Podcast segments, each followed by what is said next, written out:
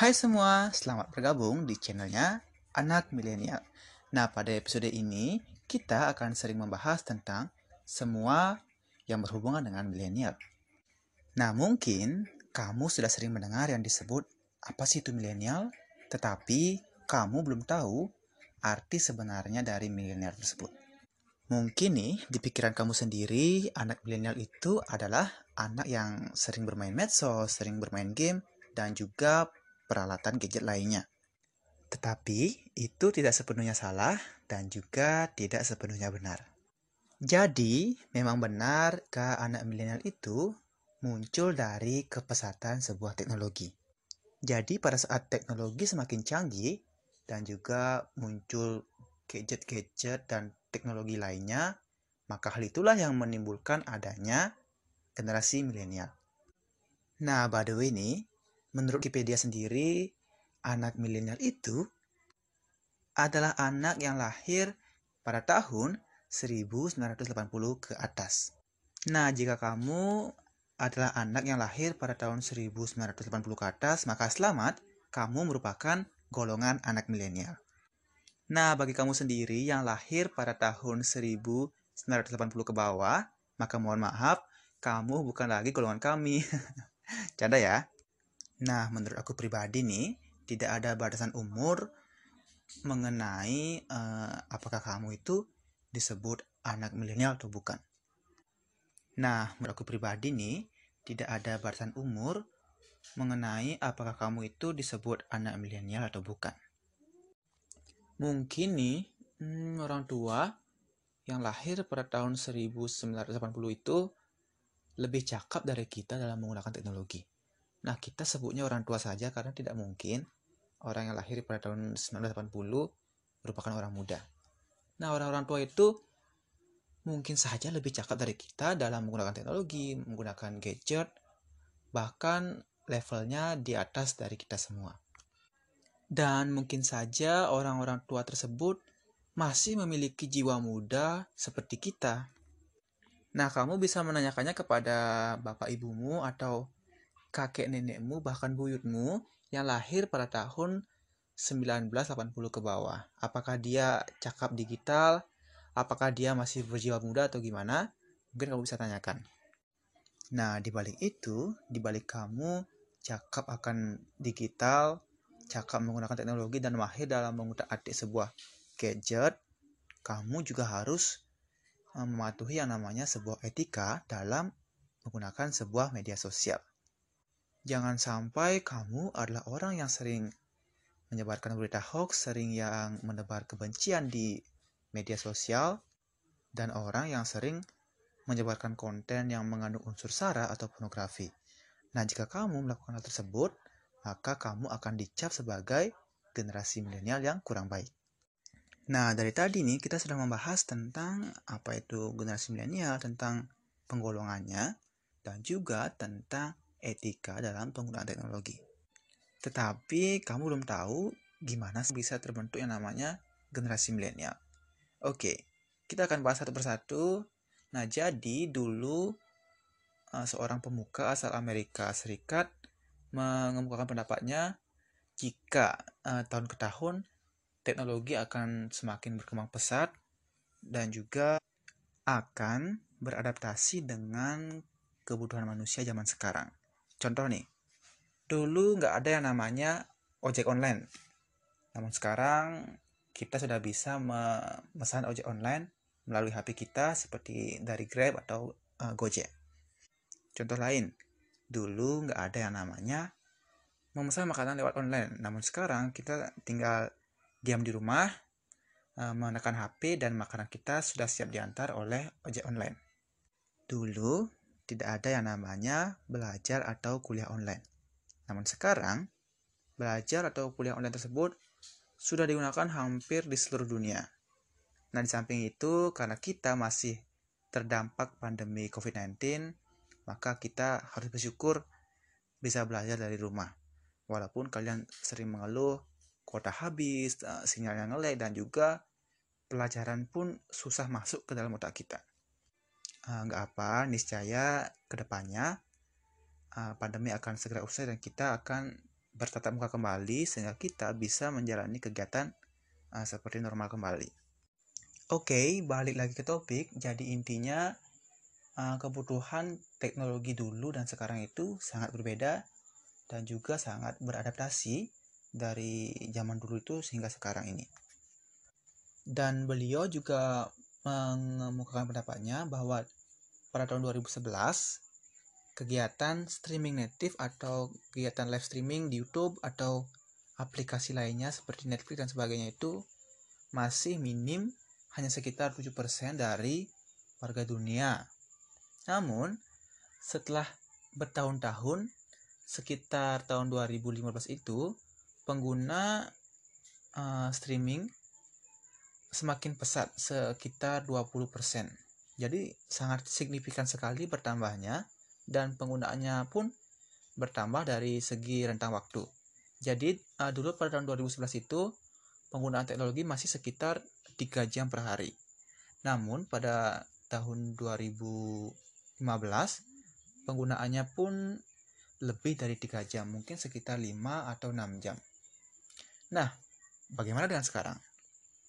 Mungkin sekarang ini hampir uh, seluruh dunia lah ya sudah menggunakan yang namanya kegiatan streaming atau kegiatan, uh, kegiatan medsos lainnya mulai dari anak-anak, mulai dari orang dewasa, remaja dan juga sampai orang tua pun sudah menggunakan yang namanya uh, teknologi baik digunakan untuk uh, streaming atau uh, kegiatan medsos lainnya. Dan itu pun tidak bisa kita pungkiri bahwa kita sendiri tidak bisa lepas dari yang namanya teknologi. Bahkan ada yang mengatakan jika kita tidak membawa HP satu jam saja mungkin uh, terasa mau mati rasanya. Bahasa lebaynya sih begitu. Nah, itu membuktikan jika semakin tahun ke tahun uh, ke penggunaan teknologi itu pun semakin pesat dan tuntutan kebutuhan dari manusia pun semakin beradaptasi dan itu pun membuat teknologi terus berkembang dan beradaptasi mengikuti kebutuhan dari manusia tersebut. Nah, hal itulah yang akhirnya menciptakan yang namanya generasi milenial. Nah, mungkin eh, untuk saat ini cukup sampai di situ saja. Eh, kita sudah membahas tentang eh, generasi milenial dan juga tentang sejarahnya. Nah, ke depannya kita akan terus men-share tentang uh, lebih dalam lagi apa sih itu anak milenial dan juga kita akan sering mengundang teman-teman kita yang juga seumuran dengan kita, tentunya masih muda yang memiliki karakteristik dan keunikan tersendiri yang perlu kita bahas untuk memotivasi kita. Jadi, stay tune terus ya di uh, episode ini karena ke depannya uh, kita akan sering mengundang teman-teman kita yang masih muda tentunya dan masih milenial sama seperti kita. Dan siapa tahu uh, kamu akan termotivasi atau uh, tercerahkan untuk ke depannya dan topik kita ke depannya juga akan lebih dalam lagi lebih luas lagi tentunya lebih menarik lagi untuk kita bahas bersama-sama. Dan jika kamu ada pertanyaan atau ada masukan kamu bisa uh, DM aku di Instagramku yaitu dio underscore atrayasa. Kamu bisa bertanya-tanya, berdiskusi sama aku dan uh, terserahlah kamu mau nanya apa. Oke. Okay. Dan uh, aku akhiri sampai saat ini. Uh, terima kasih kepada kalian sudah nonton podcastku dari awal hingga akhir. Aku ucapin terima kasih dan see you next time. Bye bye. Hai semuanya, selamat bergabung lagi di channelnya Anak Milenial. Nah, topik yang akan kita bahas hari ini yaitu tentang kuliah kerja. Nah, jadi kita akan uh, mengundang seorang tamu yang tentunya masih muda sama seperti kita. Dia adalah seorang uh, mahasiswa aktif di salah satu kampus di Bali dan dia uh, juga sambil bekerja uh, di samping dia berkuliah. Dan tanpa basa-basi lagi, kita akan langsung menelpon orangnya dan kita akan mengobrol dengannya sekitar uh, 15 sampai 30 menit. Oke. Okay.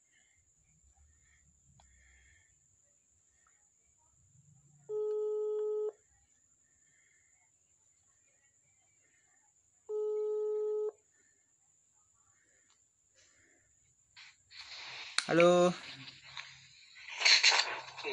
Swastiastu. Indra. Iya. Aduh Indra, ini ini pertama kali kita ngobrol ya? Iya, pertama kali ngobrol lewat telepon. Dulu kan satu uh, SMA tapi nggak pernah ngobrol, nggak pernah ngomong di uh, langsung gitu. Malu aku. nggak apa-apa. Dulu kan satu SMK karena beda jurusan juga jarang jarang apa ya ketemu ngobrol bareng. Jadi kan tetap teman lah. Wah, tetap teman. Iya. Ada ini ada acara apakah ini? ini apa tuh?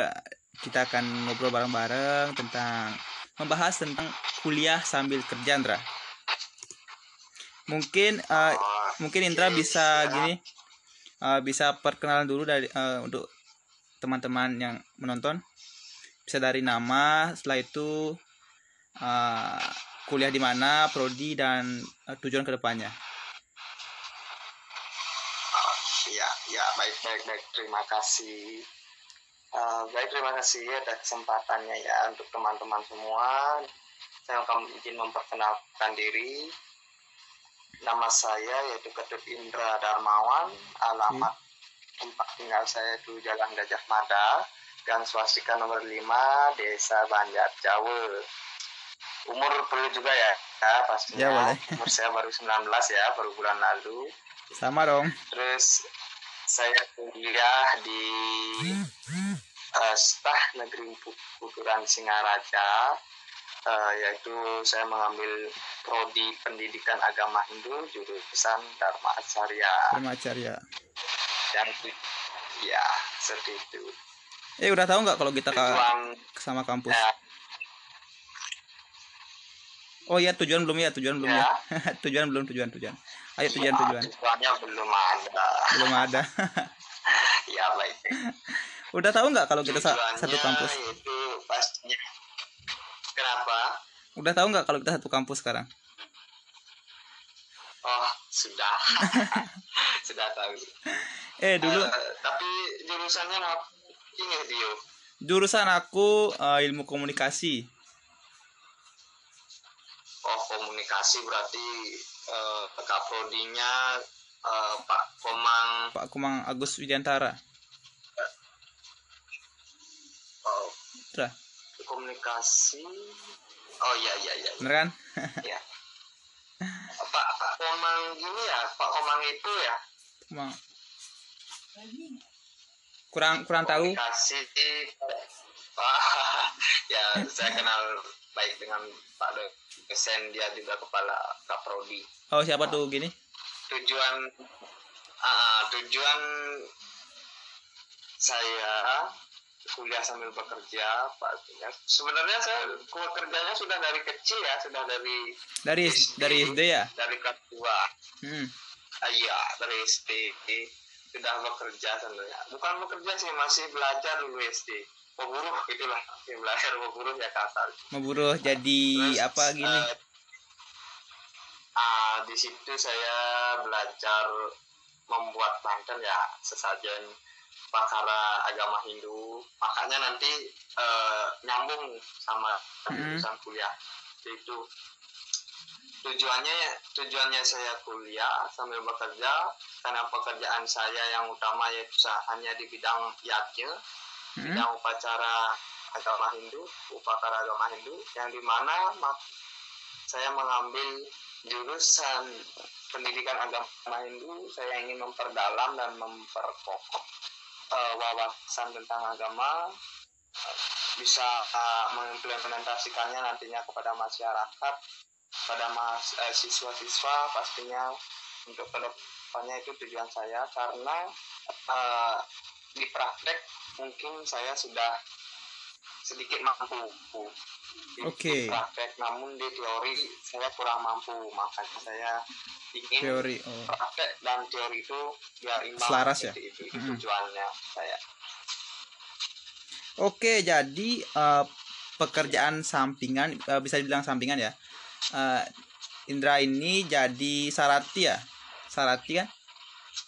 Ah ya. Ya. Betul betul. betul. Sarati itu kan uh, yang membuat-buat Banten untuk upacara yang yang gitu itu kan? Iya betul banget itu. Oke. Nah, buat Banten Dan untuk saat ini Sarati itu nggak banyak orang yang bisa buat Sarati sih, yo. terutama orang-orang muda kayak Indra ini nggak bisa. Termasuk aku nggak bisa dan ya sebagian besar orang orang lah nggak bisa buat Sarati apalagi seorang uh, cowok ya. Aduh, sangat keren kau Indra. Insecure aku. nah, kita kan semua tidak ada menurut saya ini tidak ada orang pintar, tidak ada orang bodoh. Kita ini semua sama. Sama-sama belajar, Iya, sama-sama iya. saling melengkapi, saling mengisi. Tidak ada bukannya tidak ada jangan pernah menjatuhkan orang lain, meremehkan orang lain. Kita di sini saling melengkapi. Tujuan kita yaitu mem- memperbaiki karma kita. Yap, betul betul. Seperti itu, ya. Tuh. Eh btw ya, pas aku SD, keluarga aku pernah beli Banten di punyamu deh. Ingat aku. Dari SD kan udah jadi Sarati kan? Iya dari Ya. SD. Dari bukan sih dari SD itu masih di tempat masih Tempa. di didik SD. Oh, aw- mulai mulai menjadi pendidik di saat itulah jadinya. Eh, sedikit ya saya ceritakan sejarah. oke, Perjalanan oke, sejarah. SD kelas 2 itu Kelas dua. saya ada namanya sampai sekarang tuh guru ya yang bernama Jero Mangku Pro Mumbul. Hmm? Jero Mangku Mumbul terkenalnya ya di Banjar Jawa. Dia adalah tukang mantan dagang mantan tersenior lah tersohor. Eh, saya ditempa dari kelas 2 SD di sana dididik dari nol dari membuat ceper ijo Ijo. sampai bisa nanti bertanding saya itu pokoknya setelah itu sekitar saya sampai kelas 6 SD 6 SD.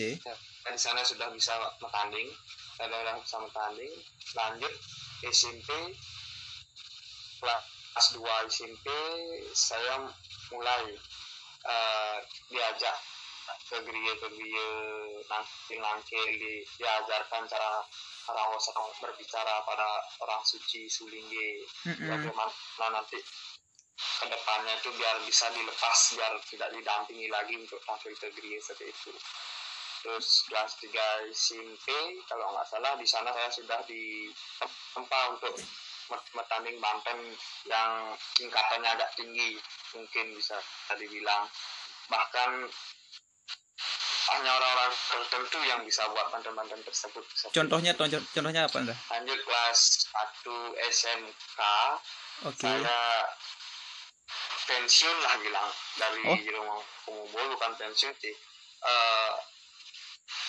istirahat dari sana tapi saya melanjutkan di gereja Intaran namanya.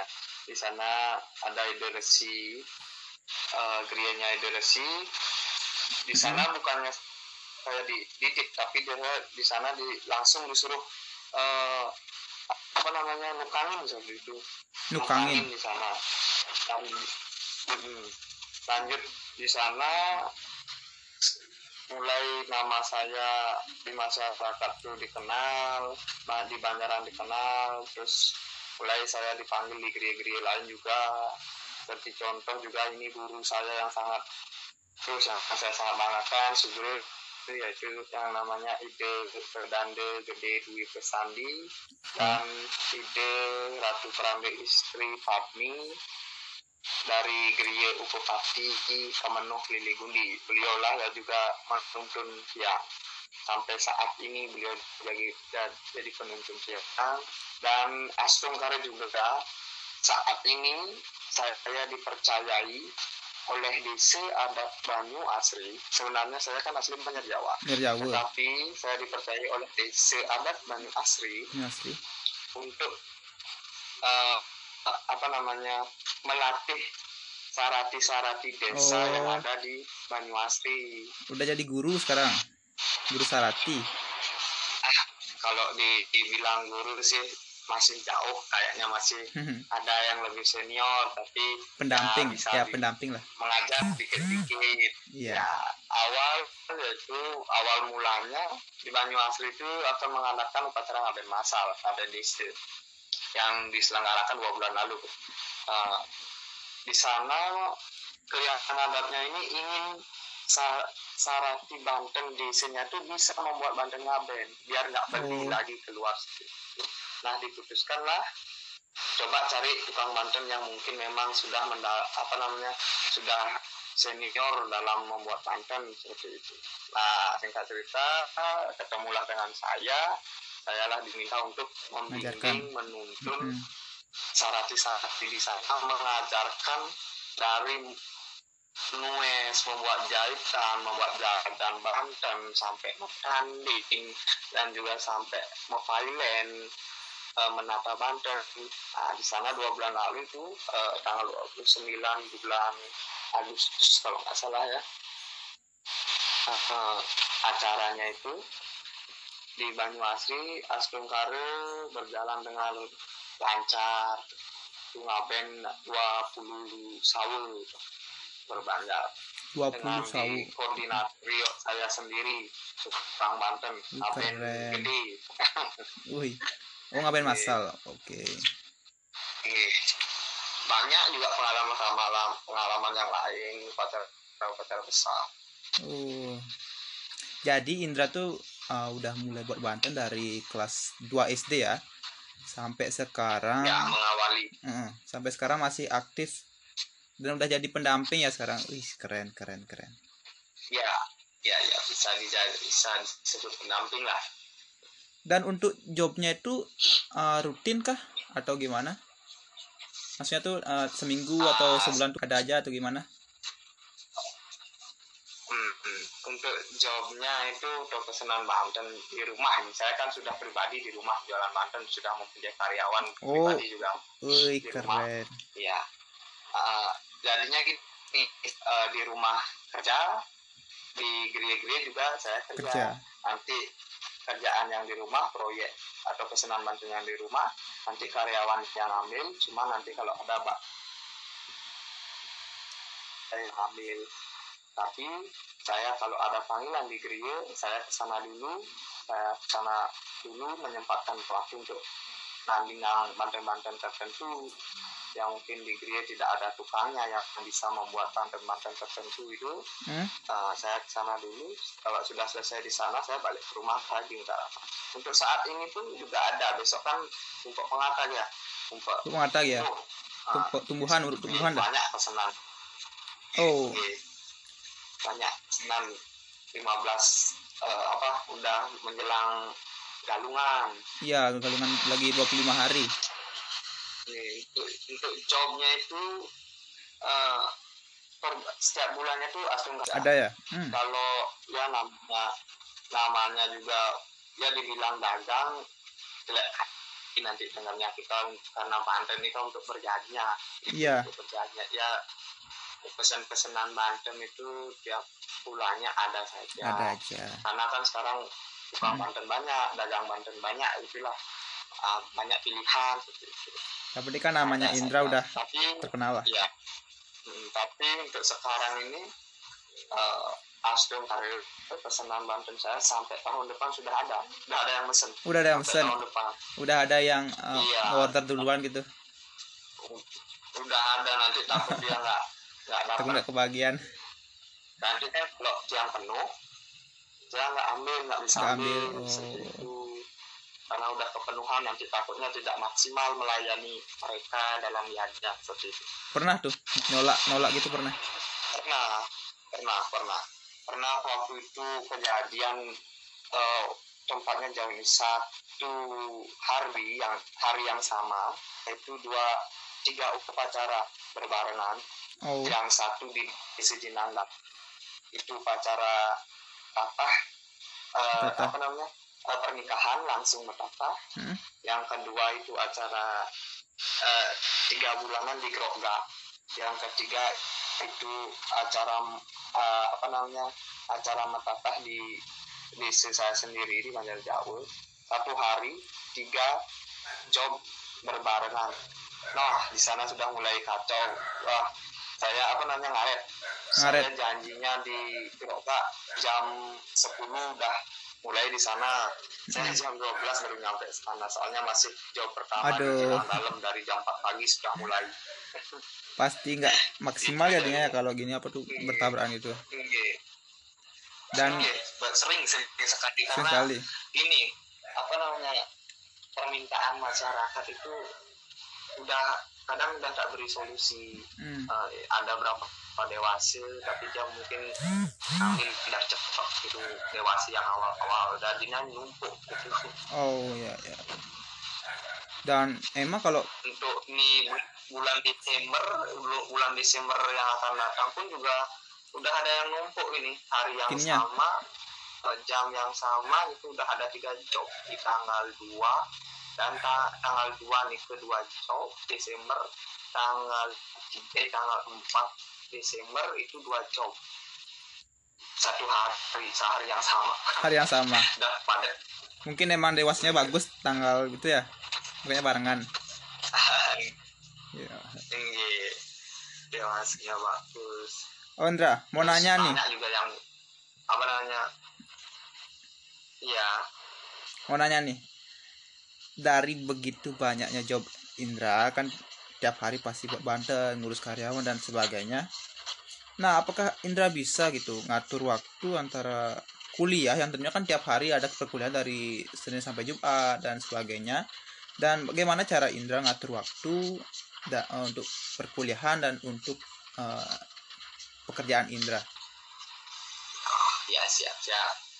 Ah inilah yang sekarang kendala saya yang sangat eh, sangat sangat berat. tidak bisa belum bisa mengatur jam ya sangat berat. Dulu waktu masih bilang lah masih SMK lah. Kita kan sama SMK SMK ya satu. SMK 1 Singaraja ya ah, dulu ah rasanya gampang sekali. Ah, setiap ada job saya tidak sekolah. Setiap ada job job tidak sekolah. Kalau nggak pokoknya oh nggak pernah sekolah. surat aja dah kalau nggak buat surat minta surat dokter eh, beli surat dari dokter bilang sakit. Oh, padahal nggak sakit. Sebenarnya ngejob. Ngejob. Gitu. Ya eh, buka-bukaan aja. Eh, yang sebulan itu ada aja dah izin ada ya izin. padahal itu nggak benar-benar sakit kan tapi gimana ya? Eh, dibilang nanti weh ngai-ngai gelem nyaman saja saya gelem. Ini gimana alasannya nggak bisa lagi ya. Nggak bisa lagi buat alasan. Bo- kadang kan bolos pun sering juga. Eh, bolos sering sekali.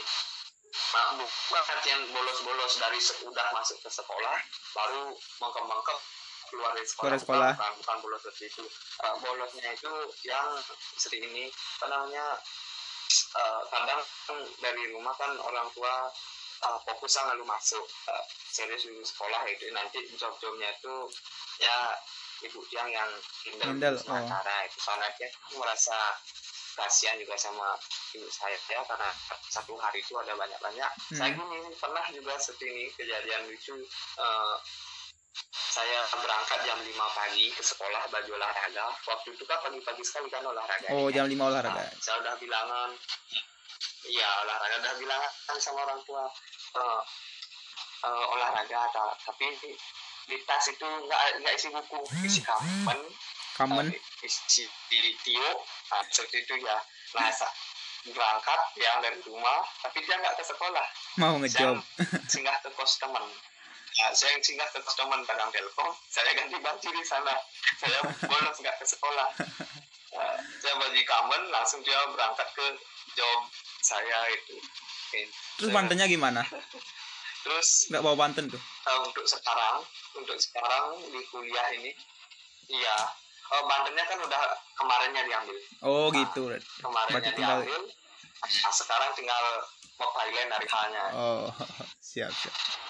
Hmm. untuk sekarang ini memang sangat sulit bagi saya. Hmm. kuliah kuliah. uh, full bukannya ya terkadang dosen kita kan ajarnya itu tidak tidak uh, sesuai jadwal ada jadwal Jamnya pasti. tuh. Hmm. sesuai jadwal pasti ada diundur. sore ada punya siang siang dosennya nah ini dah menjadi kendala Uh, di mana pada saat ini saya kuliah karena saya memang ingin sekarang betul-betul belajar ingin kuliah jadi saya mengikhlaskan salah satu bukannya mengikhlaskan mengurangi mengurangi ya. mengurangi kegiatan saya untuk terjun langsung ke Thailand kalau dulu kan saya yang terjun langsung ke Thailand saya tidak pernah ajak anak buah saya Hmm. sendiri langsung biarpun siapa pun apa pun acara apa pun siapa pun yang mungkin saya sendiri yang terjun nggak pernah ajak mengajak karyawan saya. karyawan Mm-mm. tapi sekarang uh, saya harus menyiasati itu karena saya kuliah itu sudah sangat penting untuk masa depan. Uh, akhirnya saya setiap ada job. Uh, saya karyawan saya tak kasih arahan tak kasih arahan. kalau upacara seperti ini.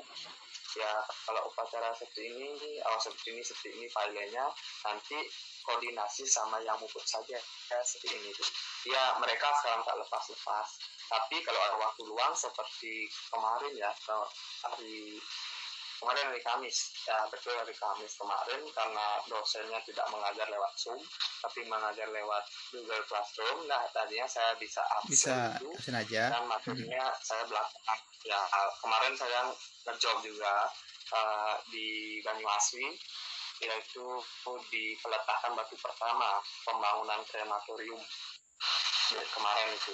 Oh di mana tuh? Oleh Ratu Perandu dari DPP ya. Di mana tuh? Di itu pertama tuh? Di Sitro Banyuasri. Di Sitro Sitro Banyuasri, Banyuasri. itu kemarin karena harus yang hadir karena itu ada eh, wakil bapak bupati yang datang bapak kapolres kapolres ya semua datang itu. Hmm. jadinya karena saya di sana sebagai koordinator harus hadir seperti itu. Yap harus Karena hadir. Untung juga kemarin belajarnya itu di Google Classroom nggak Zoom. Jadinya saya bisa mempelajari materinya setelah kegiatan saya. Oh. ya jika ah, jika ada seperti itulah. Kalau hari pas hari libur kosong eh, tidak tugas sudah semua selesai ada job saya jalan ke job. Tapi kalau memang ada kegiatan zoom kuliah tugas banyak ada pas kebetulan ada job saya tidak ikut ngejob tapi saya eh, kirim karyawan saya itu. Siap siap siap. Berarti eh, emang kalau kalau kuliah itu dan kerja itu emang harus benar-benar bisa ngatur waktu ya dan apalagi emang kuliah itu lebih ya lebih dipentingkan lah. Daripada eh, harus eh, terus bekerja seperti itu iya betul. Eh, kuliah kuliah pastinya harus diutamakan yang pertama. Eh, karena itu kan juga untuk masa depan Mm-mm. diri kita masa depan. ke depannya nanti ya di mana kita kalau punya sampingan punya kerjaan sampingan harus benar-benar bisa membagi waktu agar tidak terjadi hal-hal yang tidak diinginkan. Seperti contohnya kita terlalu fokus bekerja kuliah tertinggal dan takutnya tidak lulus Jadi Oh, kan kita lama rugi, lulusnya. kita Mm-mm. rugi diri sendiri yang rugi Mm, biarpun kita udah punya pegangan kerjaan setidaknya kuliah itu harus Harus diutamakan. karena setelah nanti lulus atau tamat kuliah ya bisa bilang astung karir siapa tahu nanti bisa dapat tempat bekerja yang lebih bagus itu kalau tamatan SMK gitu SMA sekarang kan masih apa ya kan gimana ya dibilang banyak juga yang Banyak SMA, seperti itu. mm-mm. Mm-mm. dan sarjana pun? Makanya saya nah saya sebenarnya banyak yang giniin banyak ada masukan masukan tuh ngapain apa oh, kuliah. kuliah lagi lanjut kuliah udah mendagang Banten penghasilannya gede dari gitu. Pak saya bukan seperti itu pikirannya untuk sekarang pikiran saya itu karena ini kan roda pasti saja dalam Pasti kehidupan ini roda hmm. berputar pasang surut pasti ada. Oh, karena zaman sekarang kan banyak sudah mulai banyak bilang lah banyak persaingan gitu. Nanti kan usaha ini tidak akan seterusnya bisa apa namanya maju, maju lah. Lancar ya ya, ya Ah, sukses lancar. Mm, itu pasti kan. Ada uh, masa kejayaannya masa uh, surutnya. seperti itu ya. Ya Makanya saya Namanya juga berpikir, usaha. uh, makanya saya berpikir uh, lebih ke depan lebih kritis. Tuh yang kini gen terus jangan takut deh nah usaha ada nih sing tawang manikuan merosot kan gitu ya. uh, kan caranya mengantisipasi makanya dia ah udah kuliah aja dah siapa tahu nanti tamat kuliah uh, bisa mendapatkan kerjaan yang lebih, lebih. bagus lah seperti itu dan juga kuliah yang saya ambil ini kan nyambung nyambung sama uh, dirinya mm. kerjaan sampingan saya ini nyambung sangat nyambung bahkan yeah. saya mengambil pendidikan agama ya hanya uh, itu saya kalau praktek ya saya mampu lah untuk praktek langsung kalau teori saya belum belum paham dengan teori-teorinya makanya dari itu saya kuliah pendidikan agama Hindu ya teori dan prakteknya itu sama-sama isi gitu oh, oke okay. eh menurut aku Yandra pekerjaanmu ini kan hmm. ya pasti gede lah penghasilannya apalagi udah pakai karyawan ya uh, menurut aku kalau habis kuliah ini nggak mau memperbesar lagi itu uh, usahamu atau kamu punya cita-cita lain untuk kuliah setelah kuliah untuk usaha pastinya tetap itu tidak tidak mungkin berhenti untuk buat bandernya ini tetap terus jalan apalagi ini semakin job ini udah penuh nih dari bulan hmm. sekarang sampai nanti sama tahun depan belum ada kalender. Saya lewat kalender HP aja. Udah ada yang pesan santai nambah karyawan tuh? nanti mungkin ini nambah karyawan nggak? Uh, namanya uh, udah udah udah terus nambah tapi uh, kan banyak yang gini oh, ikut je ikut oh, belajar. yeah. bukannya saya mau mengajar gitu. Karena kan uh, proyeknya ini kejar jam kejar jam mm -hmm. tepat waktu bisa selesai makanya saya dicari yang udah udah bisa tanding orang-orang yang udah bisa buat buat Banten uh, ya ini malah bisa buat lantai cuci ngelap ngambil dan uh, sorwan lihat itu tidak dari tidak tidak nol sama sekali gitu. Mm -hmm. belajar dari awal. Kalau niat mau belajar, uh, mau niat mau belajar itu kok ada sama sama yang menuntun anak-anak muda zaman sekarang yang ingin belajar seperti itu terus usaha ini pastinya tidak akan berhenti sampai mungkin kalau nanti memang udah uh, apa namanya disnya masa berhenti dari sananya tidak ada proyek yang datang mungkin akan apa namanya berhenti sendirinya hmm. tapi hmm. tapi untuk saat ini terus jalan terus nambah-nambah aja sih karyawan terus nambah karena kewalahan di, di nyari kewalahan di nyari kayak saat ini sih untuk karyawan udah ada kalau kerjaannya tidak begitu banyak jadi cuma lima orang kalau banyak sekali padat sekali uh, jobnya itu bisa 23 karyawan. Karyawan. Banyak ya oke okay, 100 yeah.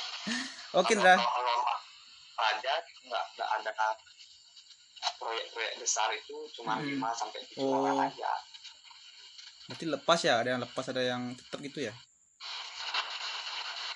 uh, ya nanti kan di ini oh, proyek besar ini mungkin harus banyak tenaga oh. yang telepon telepon lah uh, telepon ke sini megai uh, nah, acara ini hmm. asu dan, dan nanti udah selesai acara itu dia kembali ke rumah nanti kalau udah ada lagi oh. kalau yang memang padat yang telepon lagi berarti uh, lepas ini ya? mereka tuh tidak tetap itu karena hmm. tidak tetap hmm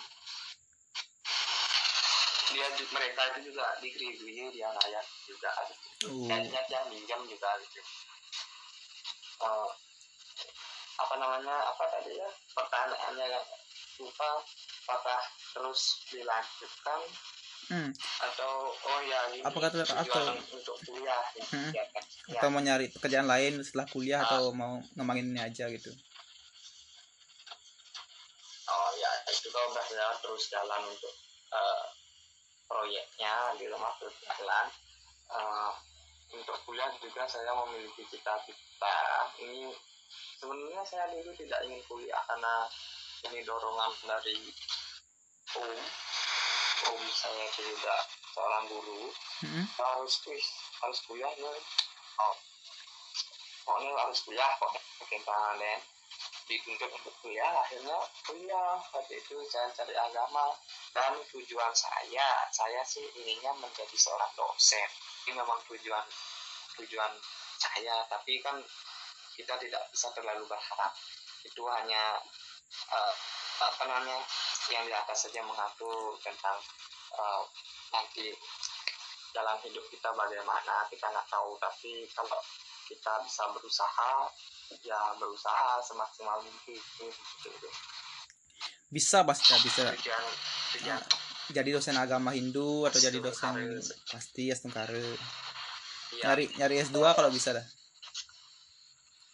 Tapi di sini apa ya saya bukan mengklaim saya itu jagonya buat Banten atau eh, apa namanya suhunya buat Banten. Gitu tidak saya juga eh, seorang manusia pasti tidak luput dari semua kesalahan.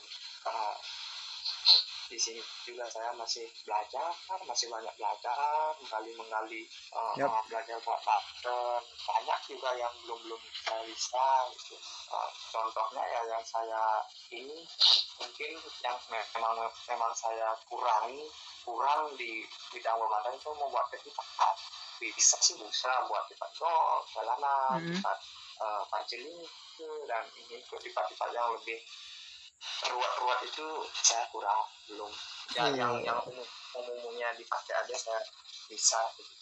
Uh, eh, masih banyak senior eh, senior Banten yang lain. Di sini saya juga masih belajar, masih butuh tuntunan, masih butuh apa namanya masukan dari eh, eh, semua orang lah dibilang agar bisa memperbaiki diri, memperbaiki apa namanya dalam usaha tentu itu kritikan kritikanmu itu adalah eh, semangatku seperti itu. Oke, siap dah, siap dah.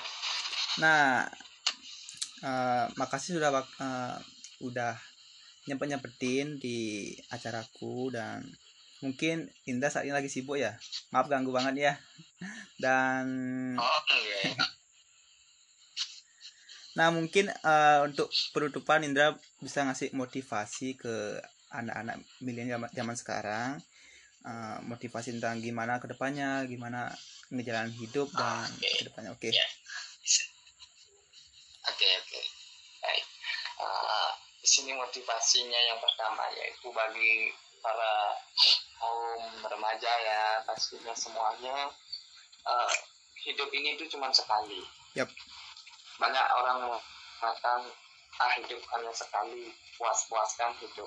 Mak- Tapi puas eh, puas-puaskan hidup itu maksudnya tuh puaskanlah hidup untuk mencari jati diri diri sendiri untuk mencari kebahagiaan. Tujuan kita hidup ini kan mencari kelepasan kebahagiaan. Kebebasan Nah, moksa ya? ba- bagaimana caranya kita untuk bisa menemukan kebahagiaan tersebut? Bukan seperti orang lain bilang ah eh, hidupnya cukup ayo eh, berbuat eh, inilah berbuat yang tidak baik seperti itu banyak seperti itu. Yang kita tidak boleh seperti itu motivasinya untuk ke depannya yaitu manfaatkanlah waktu anda sebaik-baiknya karena waktu itu adalah segalanya menurut saya.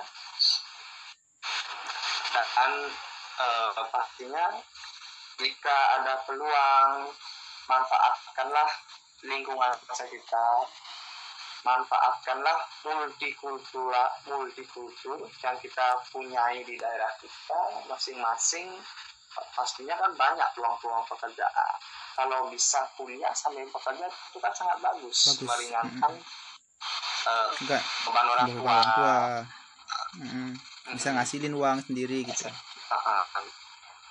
Hmm, pastinya intinya tetap semangat Mm-mm. tetap berjuang, tetap berusaha. Jika kita tidak ingin, tidak ada niat dan tidak ada usaha, ya tidak jadi apa-apa. Seperti itu.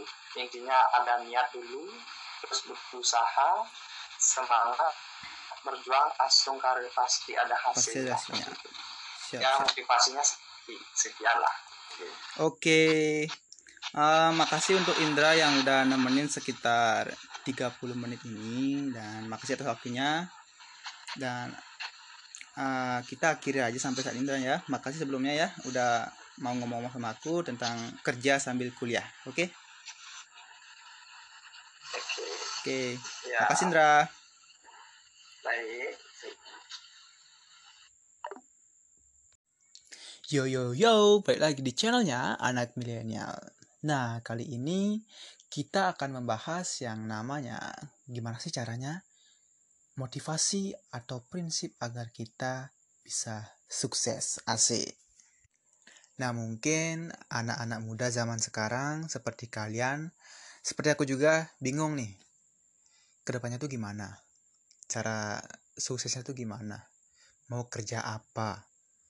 mau nyari duit gimana, gimana caranya ngebahagiain orang tua ke depannya. Aku yakin semua hal tersebut pernah kalian pikirkan di otak kalian. Nah, hari ini aku akan sedikit sharing tentang bagaimana sih cara kita sebagai anak muda untuk sukses. Nah, tapi uh, sukses ini bukan harus kaya atau punya mobil mewah atau punya rumah besar loh. Tetapi uh, sukses ini gimana hidup kita, masa depan kita itu cerah.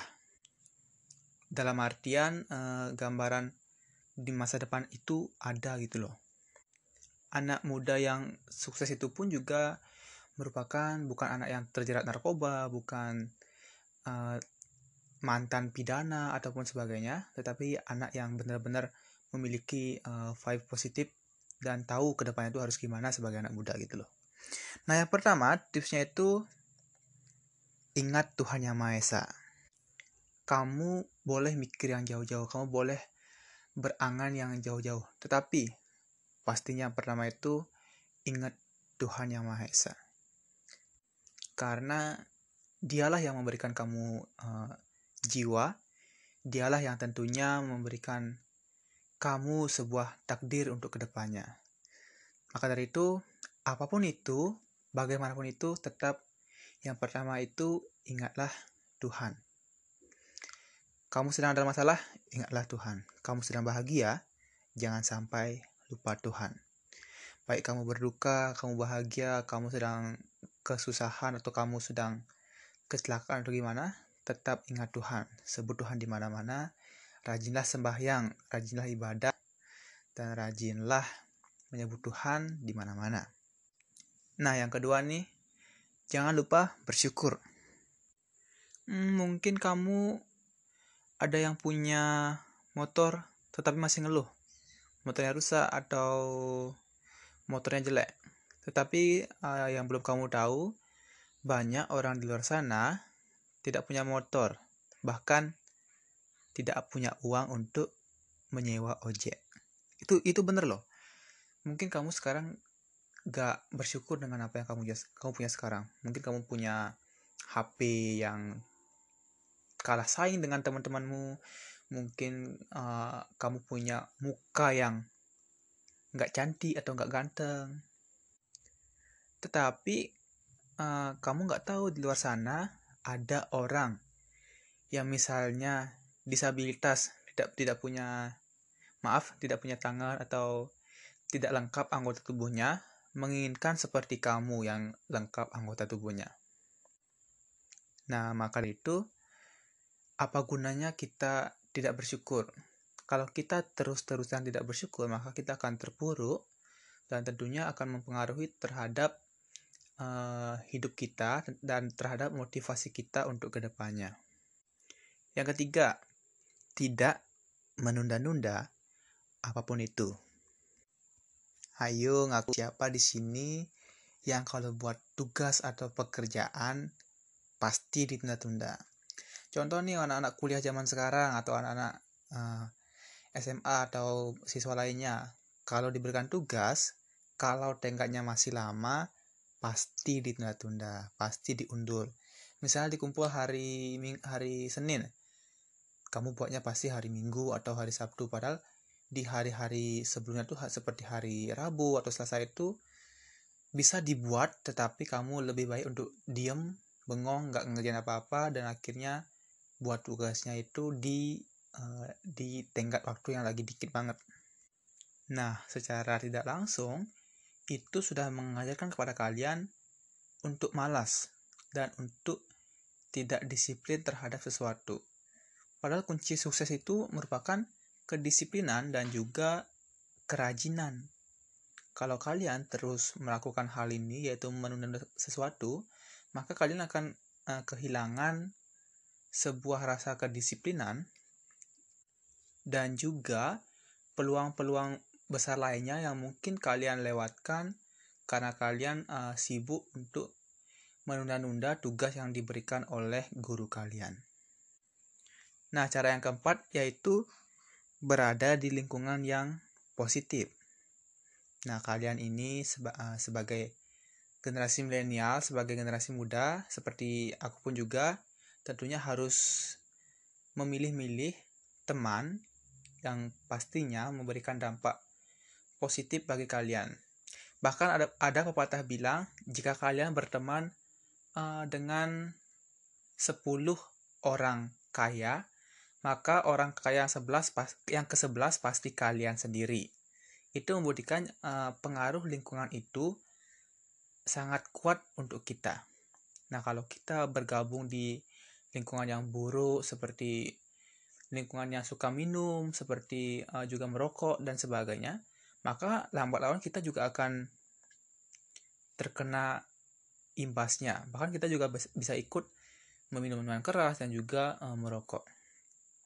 Dan maka dari itu, aku sarankan kalian harus memilih-milih teman dan lingkungan mana yang baik, mana yang buruk. Dan tentunya kalian sudah dewasa, kalian pasti bisa menentukan mana lingkungan yang baik dan mana lingkungan yang buruk. Nah, cara yang terakhir yaitu selalu update terhadap peluang yang ada.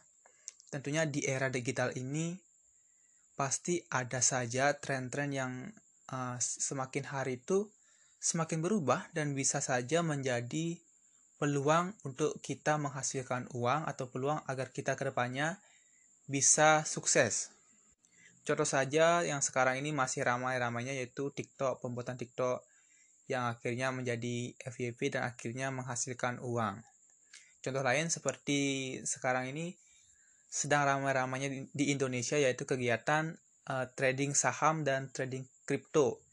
Dan sudah banyak sekali yang akhirnya menggeluti bidang itu dan akhirnya mendapatkan uang dalam kegiatan saham itu. Nah, tentunya kita sebagai generasi muda yang generasi dinamis pasti tidak boleh kalah saing terhadap informasi yang sangat update ini. Kita harus terus update dan mencari peluang agar ke depannya kita bisa sukses dan mendapatkan uh, masa depan yang bagus. Oke semuanya, itulah dia 5 tips agar kita bisa sukses dan memiliki masa depan yang cerah di ke depannya. Nah, mungkin kalian memiliki uh, tips atau cara sendiri yang baik untuk kalian agar bisa mencapai kesuksesan itu. Nah, semoga kita semua bisa sukses bareng-bareng dan bisa menjadi contoh atau panutan bagi generasi selanjutnya. Sekian dulu uh, segmen kali ini. Terima kasih kepada kalian yang sudah menonton dari awal hingga akhir. Dan see you next time. Bye-bye. Hai guys, kembali lagi di channelnya Anak Milenial. Nah, pada kesempatan kali ini kita akan membahas topik tentang kegagalan cinta. Aduh, nah jadi seperti yang kita sering alami, uh, kegagalan cinta ini merupakan hal yang sering dialami oleh anak remaja dan anak milenial zaman sekarang. Nah, jadi banyak yang bilang kalau gagal merupakan keberhasilan yang tertunda. Banyak yang bilang juga kalau kegagalan itu adalah langkah awal yang bagus menuju kesuksesan. Nah, kita tentunya sudah sering banget mendengar hal itu. Dan juga kita tentunya sudah sering banget menemukan kegagalan. Nah, jadi gimana kalau gagal dalam bercinta?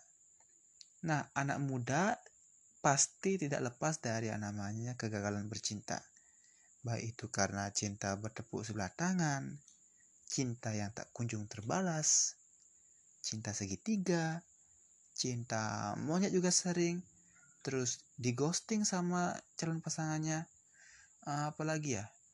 Uh, cinta yang kandas setelah beberapa tahun pacaran atau juga cinta yang tidak direstui. Aduh, pasti sakit banget. Nah, tentunya semua itu pasti sakit kan, pasti uh, nyesek kan di hati. Lalu apa? Apakah cinta seburuk itu? Yes, kalau di waktu yang belum tepat. Kalau kamu masih kecil, masih sekolah, masih minta uang sama orang tua, terus masih belum bisa ngasilin duit sendiri, eh kok mau cinta-cintaan sih? Emang nggak boleh? Boleh, tetapi jangan diperdalam. Dalam artian, kamu sekolah kan untuk belajar, kamu sekolah itu untuk mengasah skill kamu. Nah, jangan sampai pacaran menjadi uh, prioritasmu, apalagi menjadi setengah dari kehidupanmu. Nanti itu apa-apa nggak konsen, ulangan buyar, PR nggak terurus, dan juga kamu nggak fokus dalam mengikuti pembelajaran di sekolah. Karena kamu sudah menganggap pacarmu itu adalah setengah hidupmu. Jadi pada saat kamu berantem, saat kamu uh, cemburu, ada pasti dah ulangan ngawur, di kelas ngelamun, di rumah nangis dan kacau dah jadinya. Mending deh kamu pacaran sama anak yang bener ambis belajar. Jadi kan enak tuh kamu pacaran bisa sambil uh, diskusi belajar dengan pacarmu. Kamu juga bisa uh, lebih semangat dalam belajar. Nah, mungkin bagi kalian yang punya pengalaman pribadi tentang kegagalan cinta bisa di-share di kolom komentar ya. Nah, jadi uh, efek negatif dari percintaan bukan yang aku bilang itu saja loh. Tetapi bisa saja kegagalan cinta yang kamu alami itu bisa menjadi kegagalan dari hidupmu. Banyak sekali kasus di luar sana yang akhirnya cinta itu menuju ke hal yang lebih negatif. Contoh kasus pertama, banyak sekali yang bunuh diri karena cinta, bu. Gila banget kan? Ada yang gantung diri, ada yang minum racun, ada yang pakai benda tajam dan lain-lainnya. Nah katanya Hal ini dikarenakan masalah sama cintanya, seperti cemburu, diputusin, dan ditinggal nikah. Serem banget kan? Baik lagi seperti yang aku katakan tadi, jika setengah hidup kamu sudah dipenuhi doi, maka ketika dia tidak seperti yang kamu inginkan, maka kamu akan hancur bro. Damn, serem banget kan? Kasus lain uh, adalah cinta yang akhirnya menjadi darah aduh serem banget eh kok aku dari tadi ngomongin yang uh, kriminal-kriminal mulu ya tapi bener loh ada kasus pacarnya itu selingkuh dan mereka ketahuan dan akhirnya terjadilah tindakan kriminal sampai pembunuhan ada juga yang cemburu buta ya sama pacarnya yang akhirnya melakukan uh, kekerasan kepada pacarnya walaupun tidak sampai meninggal tapi jalur hukum pasti menindaklanjuti kepada uh, pelaku yang melakukan kekerasan. Serem kan? Jadi intinya apa? Cinta itu sangat menyenangkan. Manis banget di awal. Kayak ada suntikan semangat baru saat kamu baru bangun tidur. Ada hal baru yang kamu nanti saat kamu pergi ke sekolah atau tempat kerja. Ada yang mengisi hatimu. Ada juga yang mengisi notif WhatsAppmu. Sehingga terus berbunyi tiap hari pokoknya nih kamu itu ngerasa uh, kamu adalah makhluk paling bahagia di dunia ini. Nah, tetapi di balik hal itu semua, setelah kamu merasakan luapan cinta yang begitu kuat, kamu juga bakal merasakan takut kehilangan. Ada rasa pengen hanya kamu yang ingin memiliki, memiliki dia. Ada rasa cemburu, bro. Saat orang lain mendekati doimu, dan itulah yang akhirnya menjadi efek samping dari cinta. Damn. Kalau menurutku sih, cinta itu adalah hal yang nikmat, sekaligus sakit. Tetapi jika kalian bisa melewati semua itu dengan pasanganmu, berarti kalian adalah pasangan yang langgeng dan mungkin sudah berjodoh. Nah jadi tips dalam kegagalan cinta apa? Nggak ada bro. Aku juga bukan orang yang pintar dalam cinta. Pacar punya? Punya, tapi tidak terlalu mendalami tentang cinta itu. Cuma aku bakal uh, men-sharing ke kalian tips indah dalam bercinta. Bukan bercinta yang itu ya, tetapi uh, yang aku jelasin tadi. Pertama, buatlah hidupmu bukan hanya tentang cinta. Jadi kamu itu harus bisa memparuhkan diri untuk keluarga, yang mana untuk pekerjaan, untuk pelajaran, untuk kehidupan pribadi dan cinta kamu. Dan juga bisa diisi mungkin untuk hobi kamu. So, jika kamu gagal dalam bercinta, tetapi kamu bisa menang dalam bidang lainnya seperti hobi dan pekerjaan kamu. Dan kamu akan stay live. Kedua, buatlah goals dalam hidupmu. Kalau tujuan hidupmu hanya untuk mencari cinta, jujur nih, percuma hidup men. Kamu kan bisa mendidik karir, kamu bisa memperdalam bakat atau hobimu, membahagiakan keluarga, keluargamu dan masih bisa melakukan hal-hal yang lain yang lebih berguna bagi banyak orang. Yang ketiga, carilah pasangan yang cakep luar dalam. Nah, kebanyakan nih pasti dari kalian mencari pasangan itu yang cantik atau ganteng doang nih. Tetapi seiring perjalanan waktu, seiring berjalannya usia, kamu pasti dan harus mencari pasangan dari isinya. Dalam artian, attitude-nya bagus, masa depannya terjamin, nggak perlu kaya ya, yang penting dia itu memiliki hidup yang jelas. Dan juga yang paling penting, dia sayang kepada kamu. So, sampai sini saja pembahasan kita hari ini. Mungkin masih banyak yang akan aku bahas ke depannya dan mungkin lain waktu bakal aku bahas lagi hal-hal yang lebih menarik about love. Oke, okay, makasih kepada kalian yang sudah stay dengerin aku. Dan tunggu aku di podcast selanjutnya. See you next time. Bye-bye. Hai guys. Aku mau nanya nih. Gunanya sekolah itu apa? Apa ya? Nyari jasa mungkin? Atau cuma belajar materi? Atau hanya menghafal? Hmm, atau hanya paksaan orang tua kamu saja? Ya emang gitu guys, sekolah. Nggak ada yang lain. Terus masalahnya apa? ya kalau kamu nganggap sekolah seperti yang aku bilang tadi waktumu akan terbuang sia-sia loh ini bukan berarti aku mentidakkan sekolah ya tapi saat kamu sekolah tidak dengan niat yang sungguh-sungguh dan sekedar cuma ngapalin aja atau cuma nunggu waktu pulang sekolah aja ya nggak bermanfaat gitu loh pernah nggak kalian dengar YouTube-nya Om Deddy dia tuh orang yang selalu bilang kalau sekolah itu nggak guna, sekolah nggak penting dan sebagainya. Tentunya pernyataan dari Om Didi itu gatel di telinga kita, terutama kita yang masih berstatus mahasiswa atau siswa atau bagi yang pemangku pendidikan. Nah, kenapa sih Om Deddy sampai bilang sekolah itu nggak guna? Karena sekolah terlalu dominan teori dan juga kita sekolah penuh paksaan. Coba deh bayangin, keluarga kamu selalu nuntut kamu untuk masuk ke jurusan akuntansi, sedangkan kamu sendiri nggak suka banget sama akuntansi, nggak paham dan nggak emang nggak niat gitu loh. Tapi orang tua kamu nyuruh untuk masuk akuntansi dengan dalih demi masa depan kamu. Ya gimana bisa mempelajari akuntansi sedangkan kamu sendiri nggak suka sama eh, pelajarannya pasti nggak nyambung dan pasti ya sia-sia gitu coba deh kamu lihat mapel atau mata kuliah kamu ada matematika IPA uh, sejarah apalagi bahasa Indonesia dan mungkin beberapa mapel jurusan kamu. Terus masalahnya apa? Pendidikan itu seakan-akan menyuruh kita untuk bisa semuanya. Aneh kan? Pengajar kita aja cuma ngajar satu mapel. Loh kok kita dituntut untuk menguasai semua materi? Pernah nggak kalian dengar? Anak yang pinter menggambar, tetapi dia nggak pinter matematika, pasti dibilang bodoh. Tetapi anak yang pinter matematika, terus nggak pinter ngegambar, ya pasti tetap dibilang pinter. Aneh bukan? Padahal kan mereka itu punya fashion masing-masing gitu loh.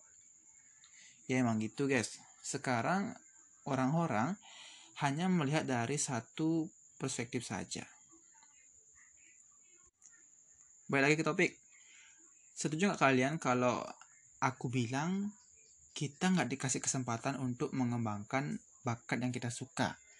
Seakan-akan kita sekolah dari SD sampai tamat, sampai kuliah atau sampai SMA itu banyak sekali mapel-mapel yang harus kita nggak nggak suka, apalagi kita nggak suka tapi harus kita pelajari gitu. Ya anggap aja kalau kita nggak suka ya nggak guna kan bagi kita.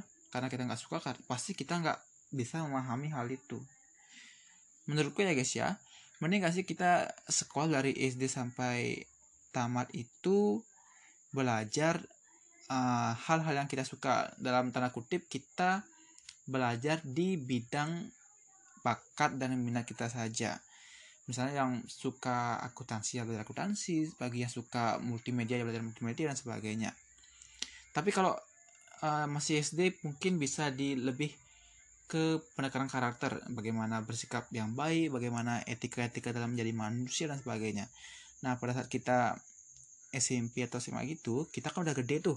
Kita udah tahu bakat dan minat kita. Nah saat itu kita bisa menentukan ke mana kita harus belajar apa materi yang harus kita tempuh gitu. Jadi kita belajar itu suka kita belajar itu dapat ilmunya gitu. Jadi apa pun yang kita pilih baik itu matematika apa apa itu sukanya pencak silat atau sukanya olahraga pasti kita suka pasti kita paham dengan materi itu kan jadi berguna gitu bahkan nih Om Deddy pun bilang ke anaknya kamu itu sukanya apa? Terus dijawab sama anaknya, aku tuh sukanya bela diri pak. Ya udah, akhirnya anaknya pun ikut berbagai jenis cabang bela diri, mulai dari karate, pencak silat dan sebagainya. Dan apa yang terjadi? Anaknya pun have fun aja sampai sekarang ikut itu. Karena apa? Karena dia itu suka sama apa yang dia jalani. Contoh saja kita suka sama matematika, kita suka sama akuntansi, suka olahraga, suka sama multimedia, ya kalau kita bergelut di bidang itu pasti kita akan senang kan? Kita akan paham dan kita dapat gitu materinya. So what's the point? Indonesia masih menerapkan mata pelajaran umum yang mungkin menyebabkan kurangnya minat belajar bagi siswanya. Menurut pendapat aku pribadi, kita akan lebih tertarik belajar tentang apa yang kita suka saja. Karena kalau kita suka akan hal itu, pasti kita bisa sukses di bidang itu. So guys, thank you yang udah dengerin ocehanku dari awal hingga akhir. See you in uh, next segment. Thank you sudah menonton. Bye bye. Oke, okay, hai semuanya. Hari ini aku akan sedikit berbagi tentang hal yang lebih hal yang lagi booming di Indonesia dan bisa dibilang sudah booming dan sudah dikenali oleh banyak orang yaitu tentang investasi cryptocurrency.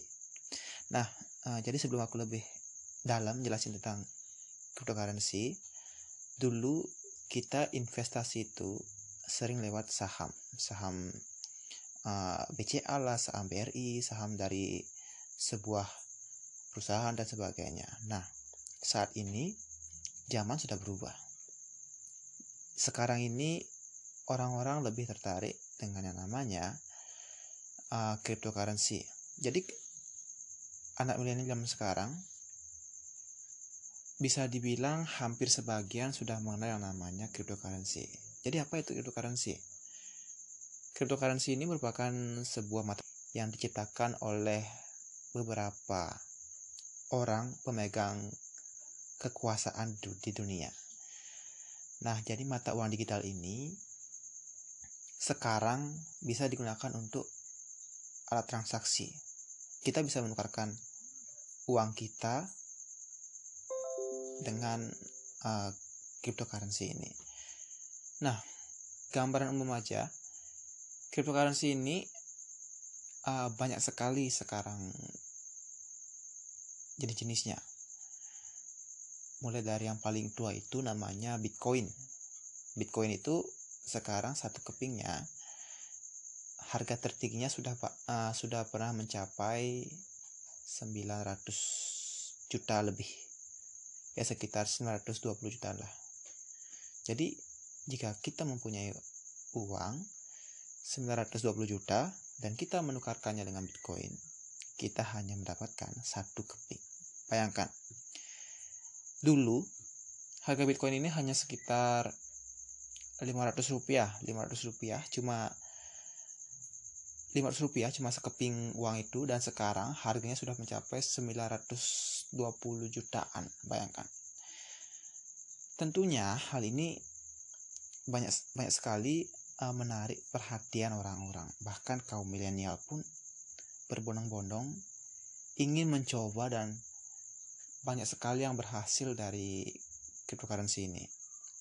Dan beritanya pun udah banyak tersebar jika kalau ada uh, anak muda yang menginvestasikan uangnya pada dulu tahun 2010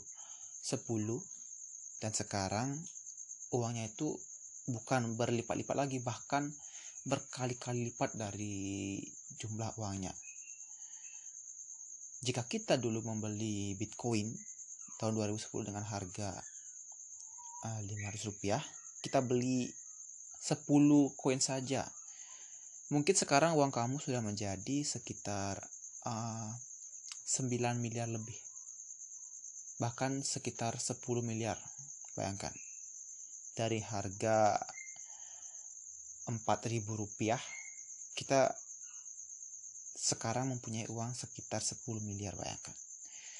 Itulah sekarang perkembangan zaman yang bisa dibilang sangat pesat. Nah, tentunya cryptocurrency ini tidak berjalan mulus. Karena bisa dibilang ada beberapa negara yang takut akan keberadaannya. Contohnya saja Amerika. Amerika itu uh, akan mempunyai USD, uang uang dolar. Dan pengaruh uang dolar itu udah digunakan di semua negara kan. Nah, karena Bitcoin ini, karena cryptocurrency ini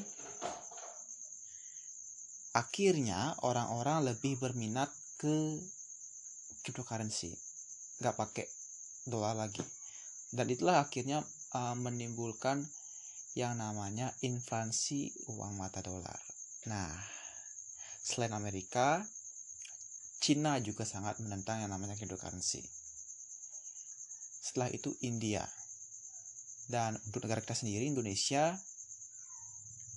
uh, syukur mau menerima uh, keberadaan cryptocurrency ini. Karena minat warganya pun sangat tinggi gitu loh. Apalagi anak muda seperti kita yang mau nah mencoba untuk berinvestasi walaupun modal kecil namun hasilnya sangat menjanjikan.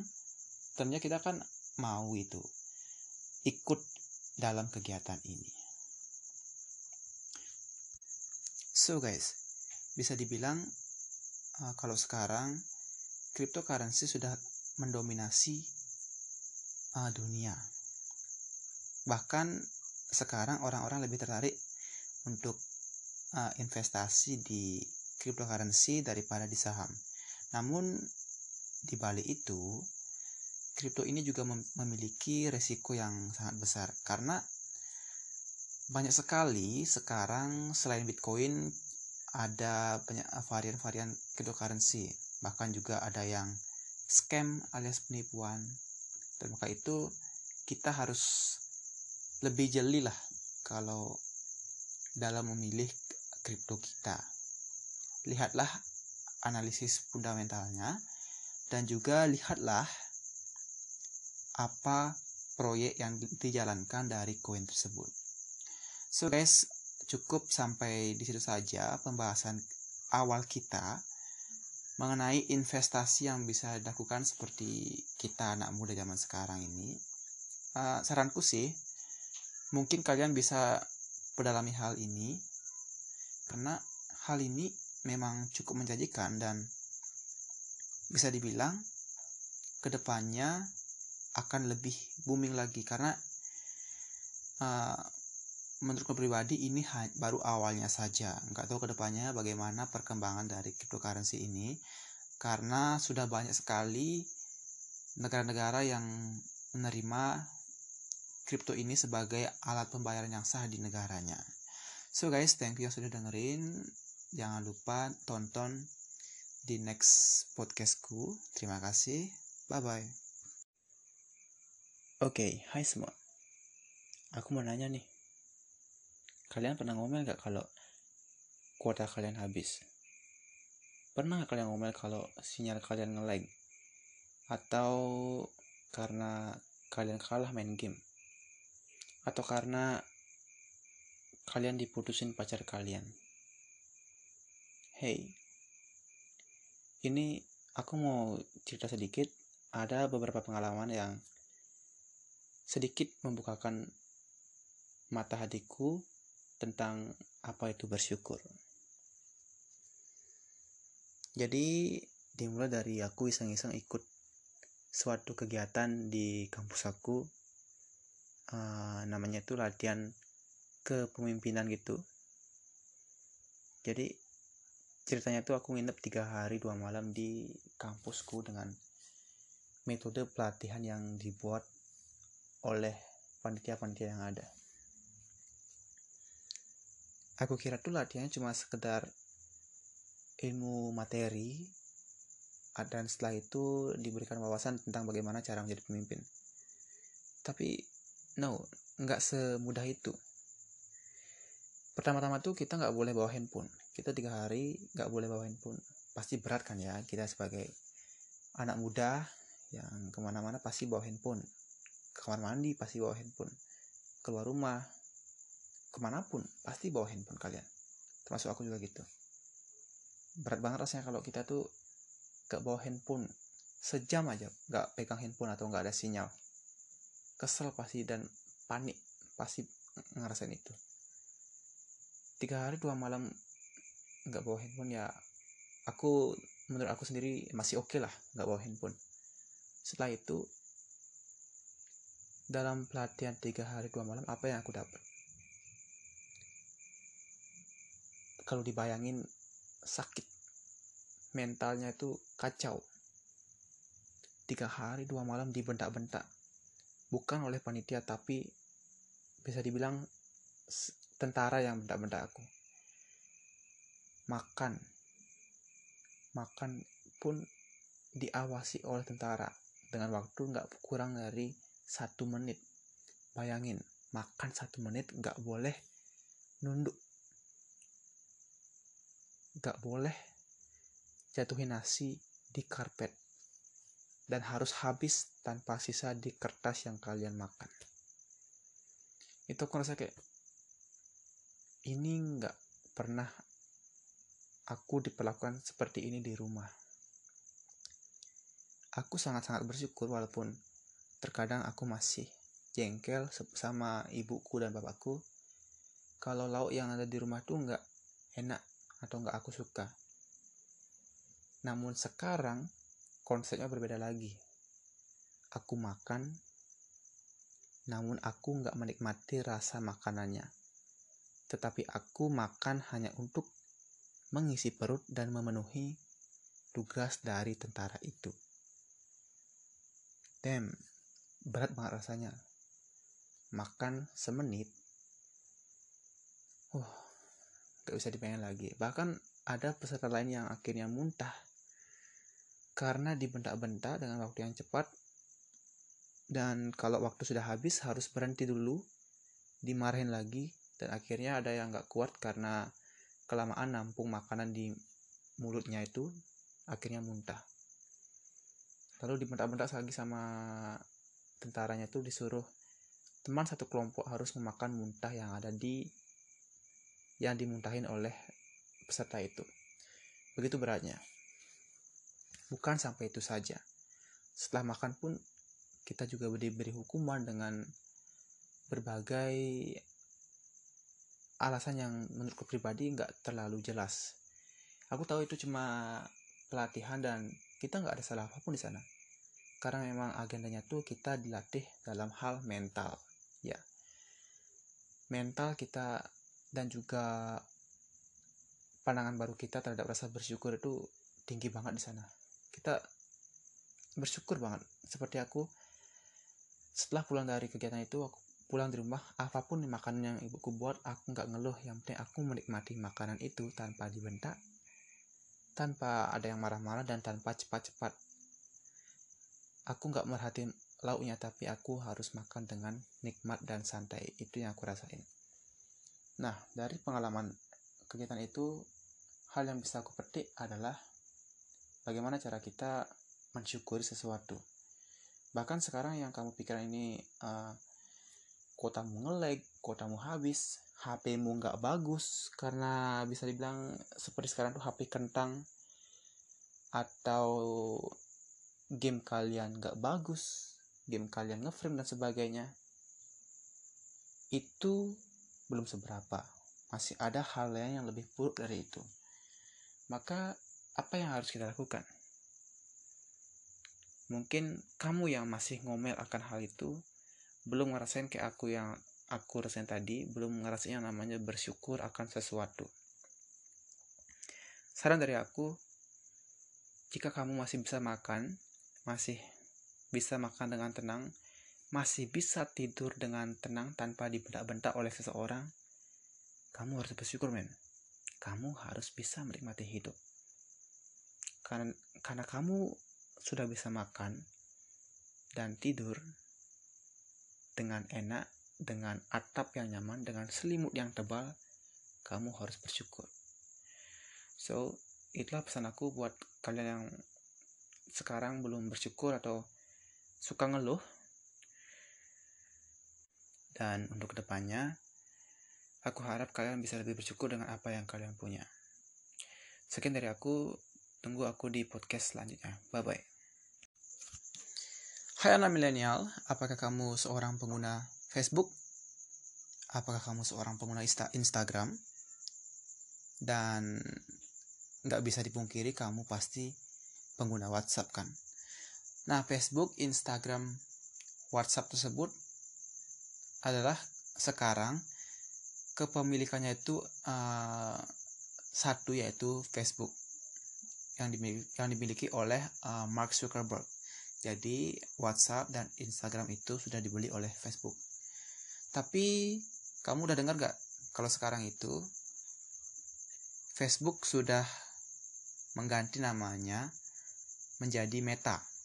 Coba deh buka uh, IG-mu atau buka WhatsApp-mu.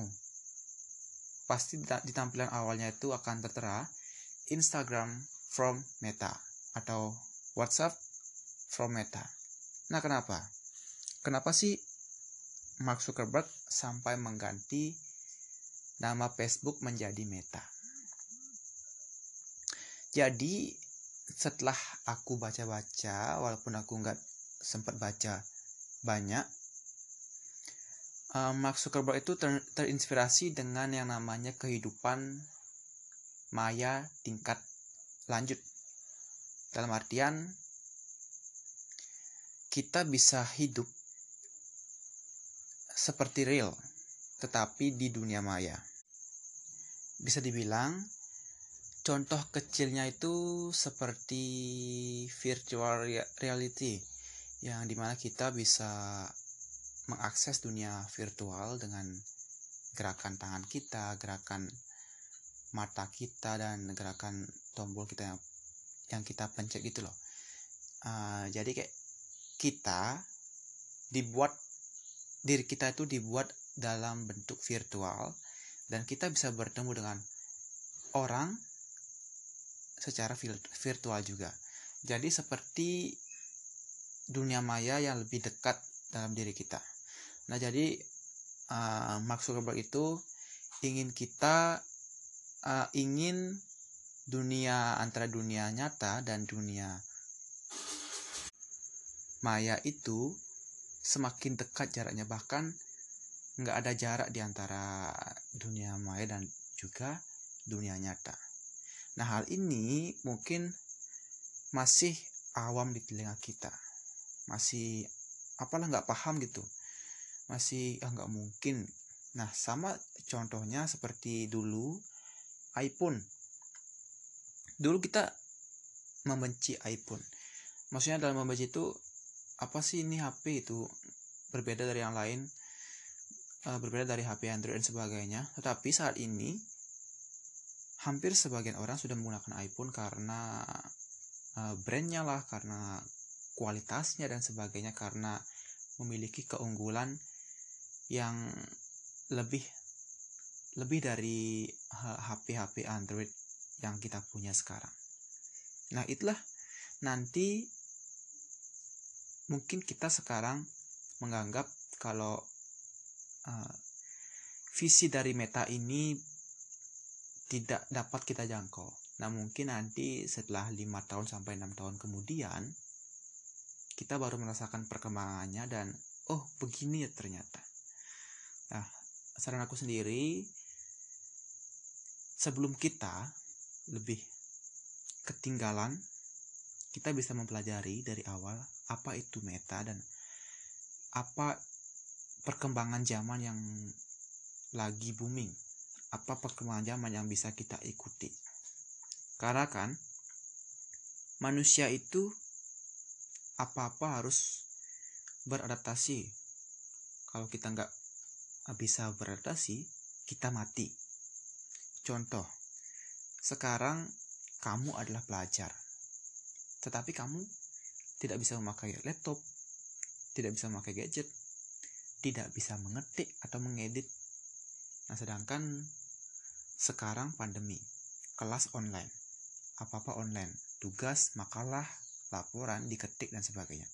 Kamu nggak bisa. Ya apa? Kamu mati. Kamu akan ketinggalan dan akhirnya kamu nggak akan dapat kesempatan kerja yang lebih bagus. Nah, kita sebagai anak milenial, anak milenial yang dituntut untuk canggih akan teknologi, canggih pengetahuan akan teknologi yang zaman sekarang ini dituntut untuk bagaimana cara beradaptasi mengingat uh, seperti teknologi itu semakin jauh dari kita. Maksudnya itu perkembangannya itu sangat terlampau dan kita harus mengejarnya dan bagaimana kita bisa menggunakan teknologi itu. Jadi sob, uh, kesimpulannya teknologi akan semakin canggih ke depannya. Kecepatan dari perkembangan teknologi itu sama seperti saat kita memejamkan mata sangat cepat. Maka dari itu, ayolah beradaptasi, ayolah kembangkan diri kamu sendiri karena kalau kamu gak bisa beradaptasi seperti yang aku bilang tadi, kamu akan mati. So, terima kasih sudah dengerin podcastku dari awal. Tunggulah di next podcastku selanjutnya karena aku akan sering berbagi banyak hal tentang uh, tentang apa yang akan lagi booming sekarang ini, oke? Okay? Thank you, bye-bye. Hai guys, jadi aku ingin sedikit berbagi tentang bagaimana tanggapan aku mengenai apa yang terjadi akhir-akhir ini di Indonesia, khususnya bagi anak-anak muda yang bisa dibilang pergaulannya tersesat. Apa itu? Tawuran. Tawuran loh di berita di Instagram maupun di, TV dan media sosial lainnya banyak sekali gitu lihat orang-orang tawuran agak jelas bawa senjata tajam. Pakai geng-gengan pula pakai baju sekolah. Di jalan ribut lagi. Ada yang bawa motor. Menurutku sih hancur banget. Hancur banget sumpah. Yang aku rasain kok ah kok gitu? Faedahnya apa gitu? Kalau kamu tawuran apakah kamu akan ngerasa kamu keren dengan ngelukain orang apa kamu ngerasa jago saat timmu menang dan sebagainya? Enggak bro. Kamu enggak keren. Kamu enggak jago saat itu. Kamu di mata aku sendiri bodoh banget gitu loh. Seakan-akan kalau orang tua kamu yang ngasih kamu makan nasi air lauk dan sebagainya gak kamu hargain. Kamu gunakan tenaga yang diberikan oleh orang tua kamu. Kamu gunain untuk tawuran. Gunain untuk nongkrong. Nongkrong nongkrong. Nyari musuh tawuran. Sedih men kalau dibayangin kayak gitu. Aku bukannya ngerasa paling bener.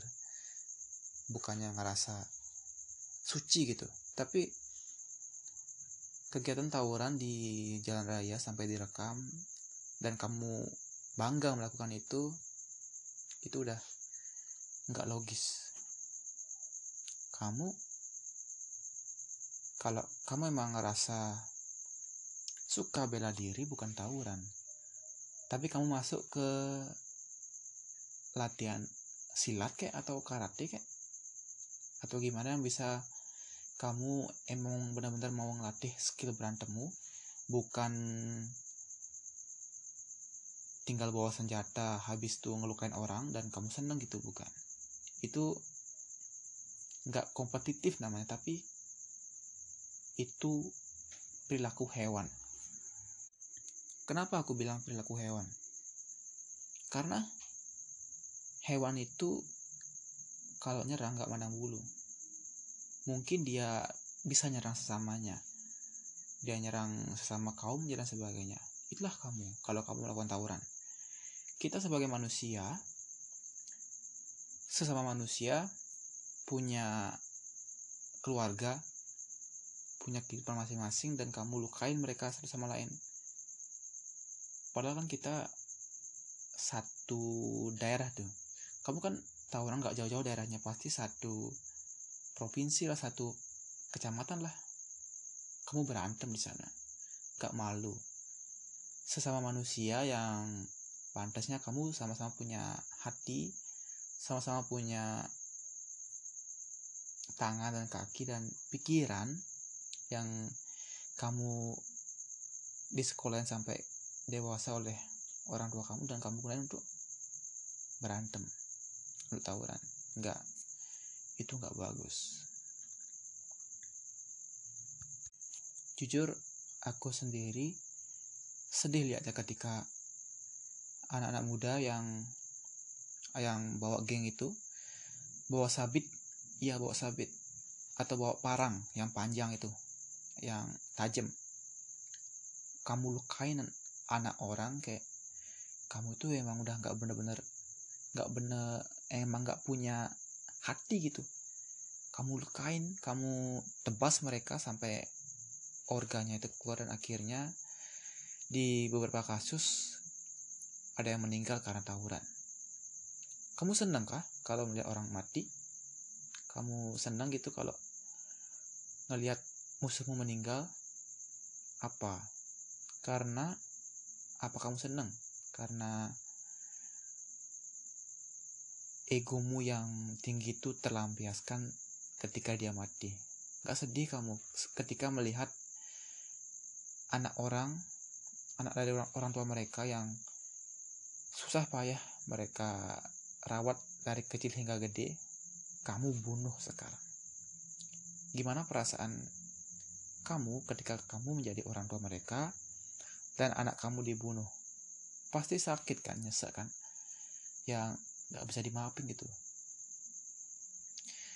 Dan kalau aku dibil kalau aku bilang perilaku kalian sama seperti hewan hewan juga ada yang lebih punya rasa.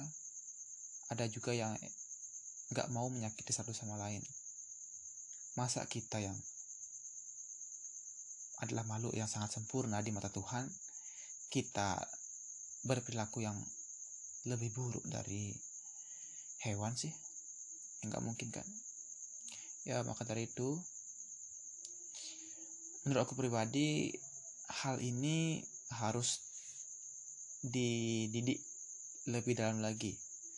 Harus didalami lebih dalam lagi dan harus dicari sih akar permasalahan yang bisa menimbulkan dari tawuran ini. Dan bila perlu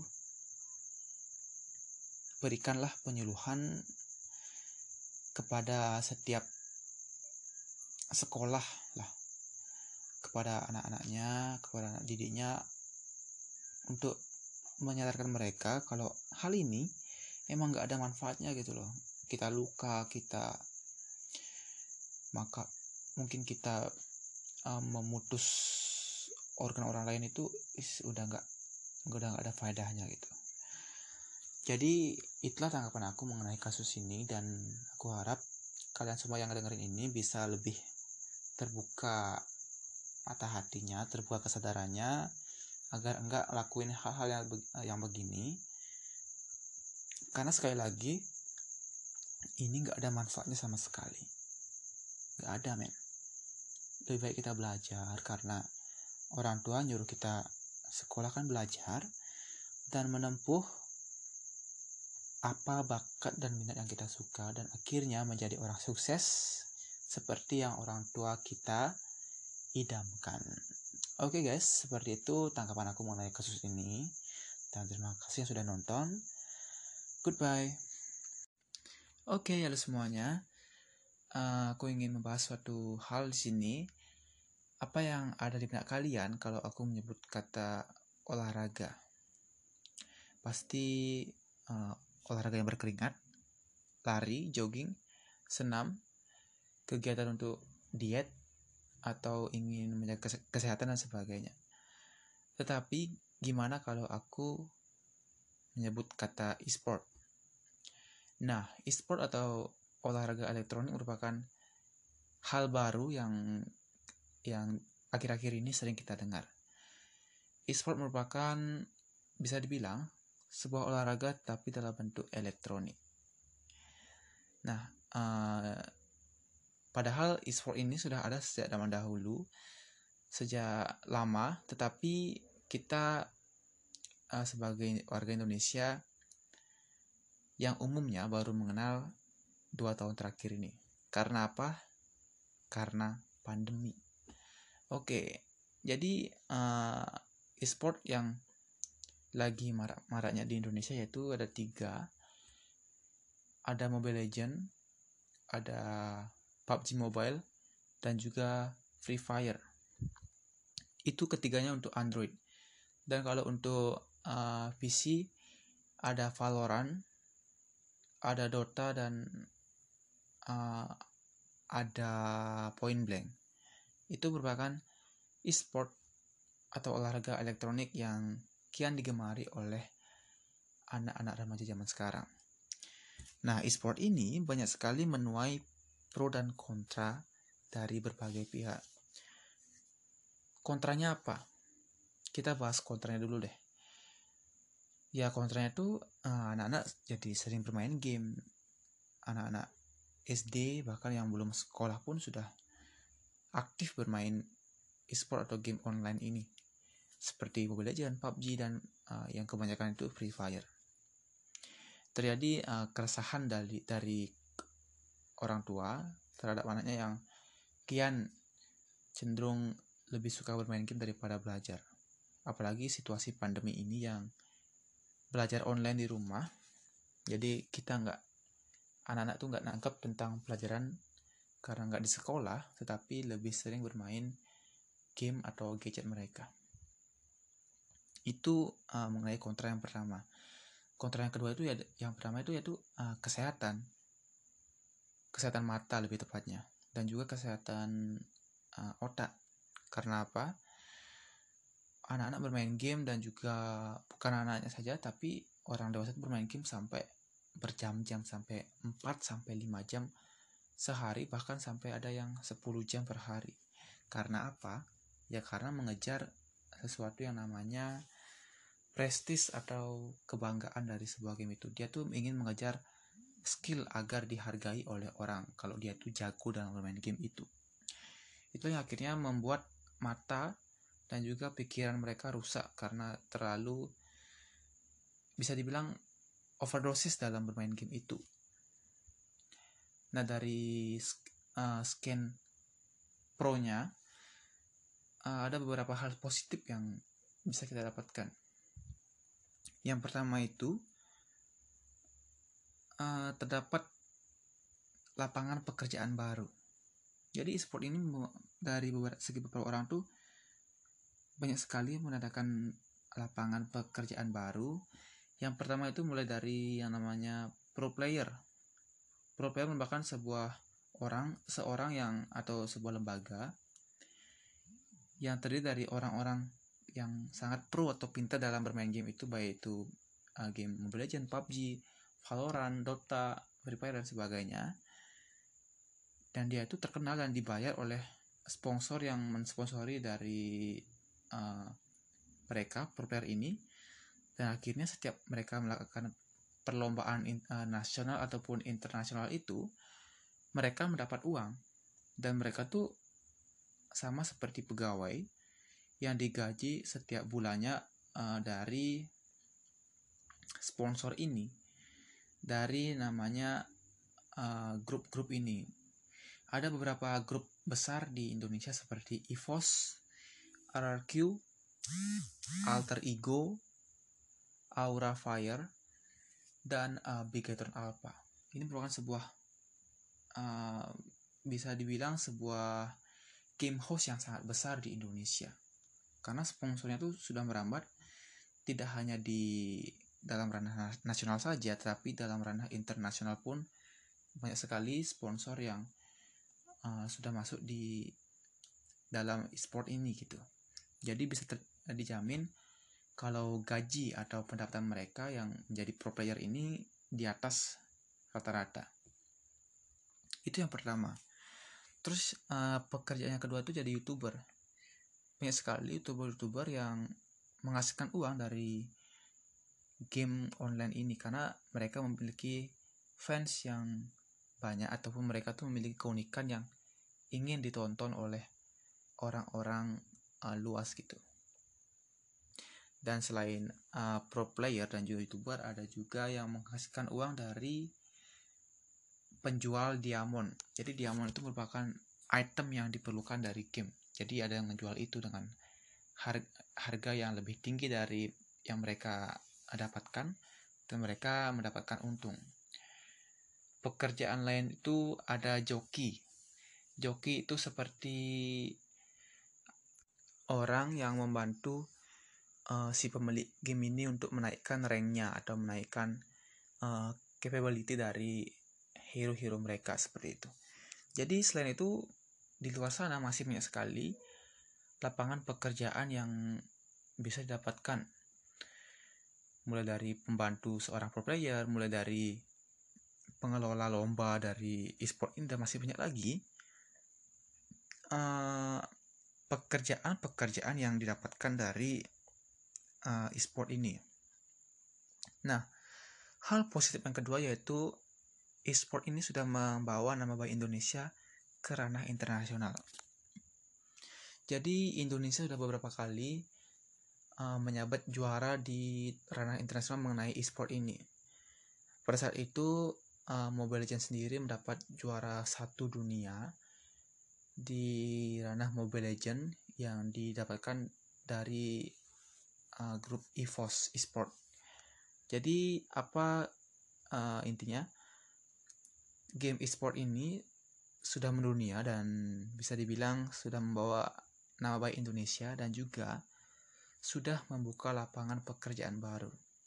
E-sport ini sudah tidak bisa kita uh, hindari lagi karena memang ada beberapa hal fantastis yang bisa kita dapatkan dalam e-sport ini. Nah, hal yang ingin aku sampaikan kepada kalian yang menonton podcastku ini, bagi kalian yang hanya ingin bermain sekedar saja, tidak ingin mengasah skill seperti ingin menjadi pro player dan sebagainya, cukup bermain eh, satu uh, jam sampai dua jam saja per hari.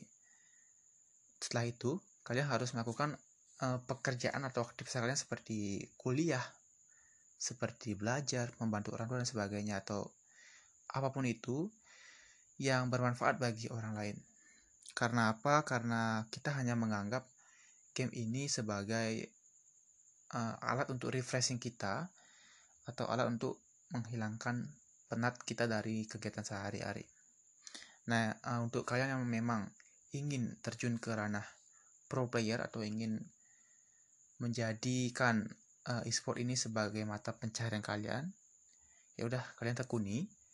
Kalian tekuni dengan maksimal, jangan menyanyiakan kesempatan kalian karena ini merupakan peluang yang besar sekaligus memiliki resiko yang besar bagi masa depan kalian.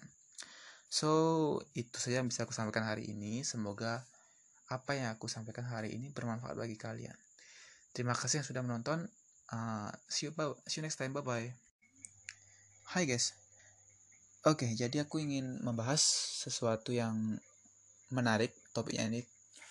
Uh, mungkin juga bisa jadi referensi kalian dalam mencari cuan atau uang di masa pandemi ini.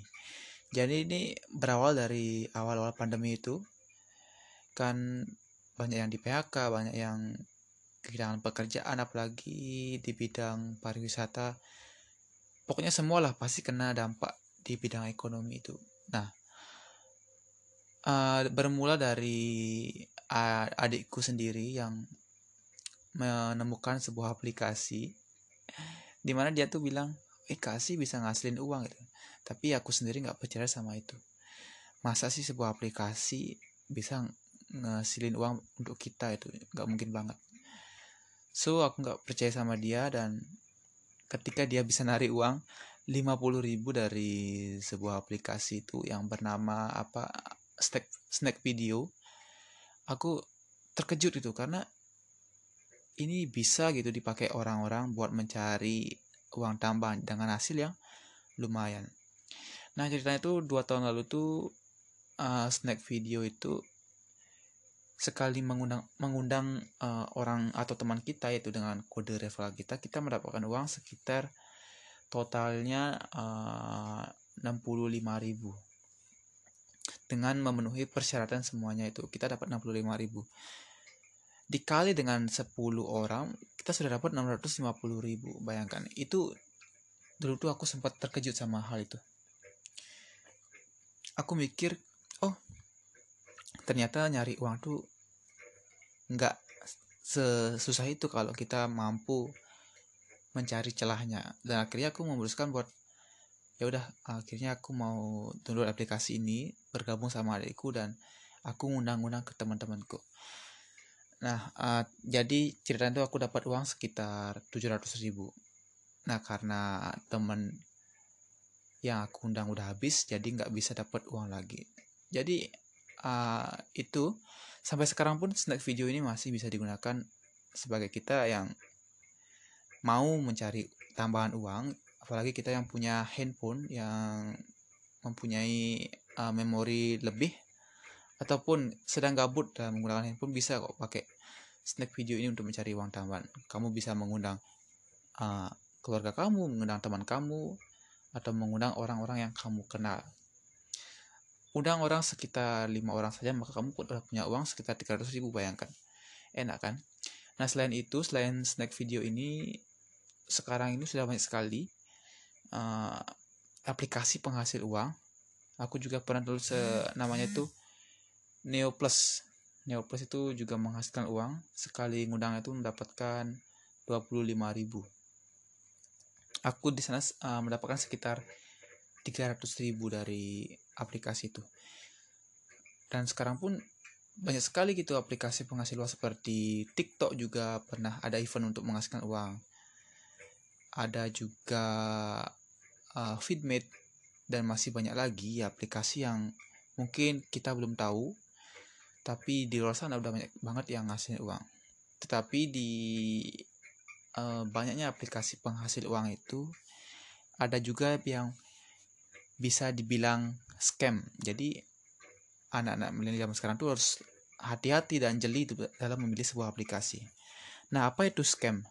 Scam itu bisa dibilang penipuan dalam sebuah aplikasi. Jadi, aplikasi itu aplikasi bodong yang merugikan kita. Karena dalam beberapa kasus itu ada sebuah aplikasi yang uh, mengiming-imingkan tuh kita bisa mendapatkan uang setelah kita memasukkan uang kita di dalam aplikasi itu dan uh, uang kita akan berbunga setiap harinya sebesar satu persen atau sampai lima persen itu.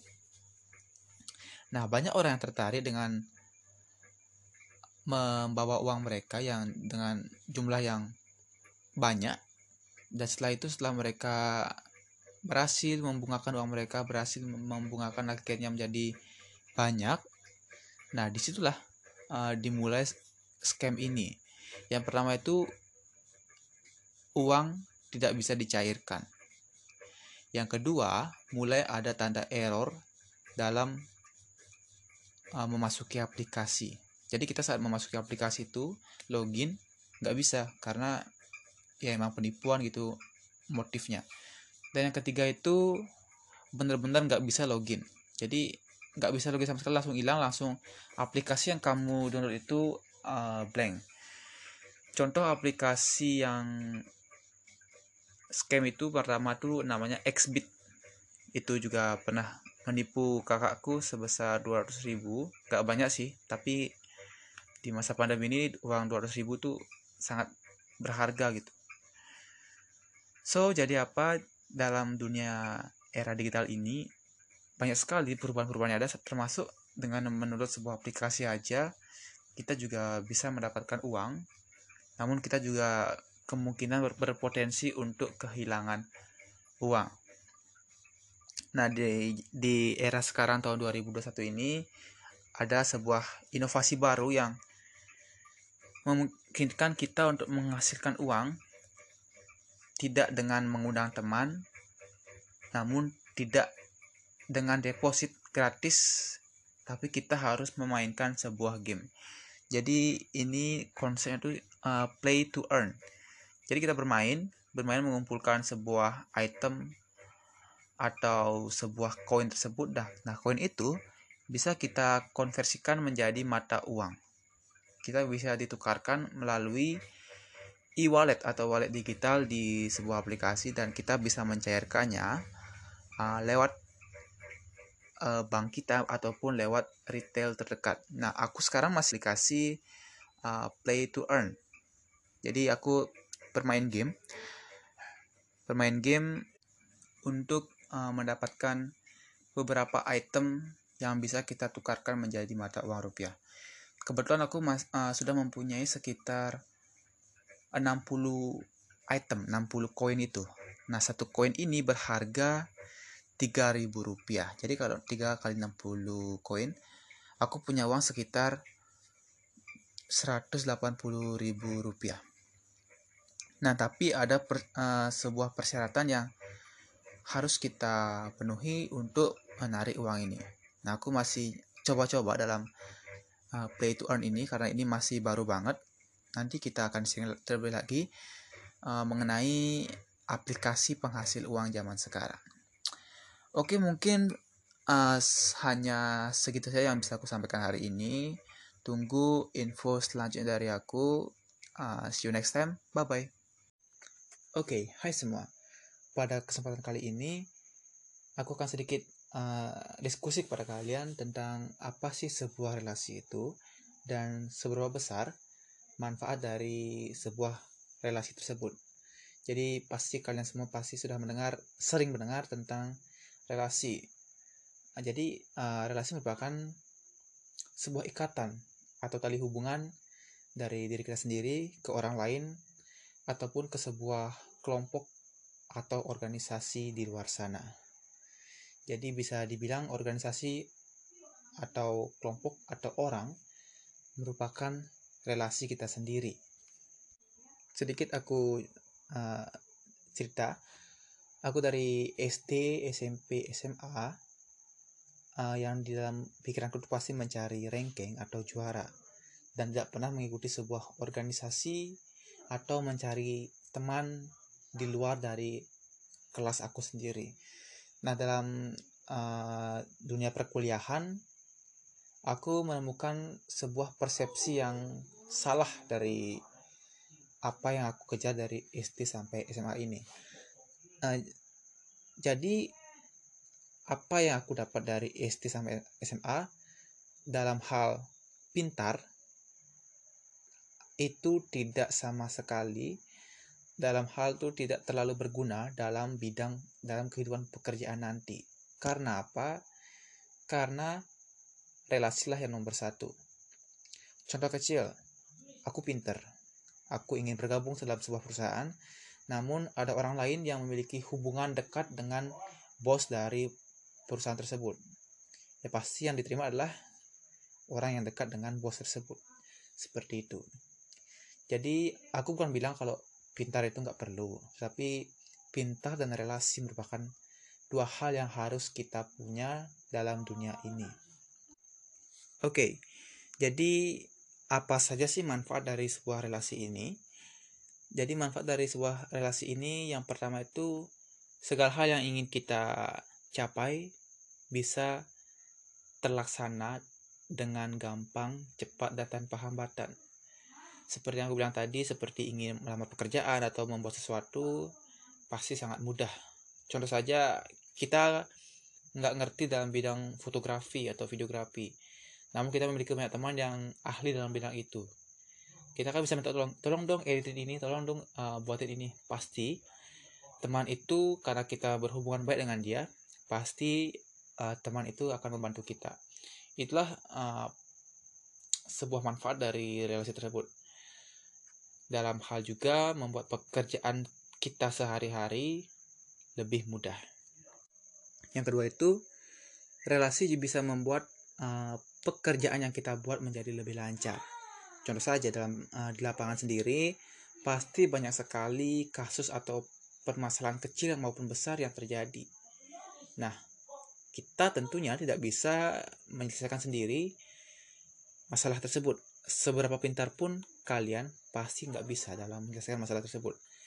Itulah pentingnya sebuah teman, rekan atau partner untuk kita jadikan orang untuk bekerja sama dalam menyelesaikan masalah tersebut. Yang terakhir itu, relasi bisa membuat Anda terbebas dari masalah. Hmm, contoh saja, jika pada saat kalian nggak punya uang, nggak punya uh, pemasukan mungkin kalian bisa meminta atau meminjam dari teman kalian. Contohnya seperti kalian misalnya ditilang di jalan namun teman kalian ada yang menjadi polisi bisa bantuan bisa meminta bantuan dia untuk uh, membebaskan STNK atau surat-surat kalian. Jadi tidak ada salahnya dan tidak ada buruknya mempunyai sebuah relasi yang banyak. Namun uh, juga diingat relasi yang kalian harus bangun adalah relasi yang positif bukan relasi yang buruk seperti peminum, pejudi, dan sebagainya. So guys, jadi untuk kalian yang masih duduk di bangku SD atau SMP atau SMA, memang perlu jika kalian mencari ilmu dan mencari ranking atau nilai sebanyak-banyaknya, namun jangan lupakan untuk berhubungan baik dengan teman-teman kalian atau teman di luar kelas kalian kenalan sama mereka. Cari tahu apa yang mereka bakati.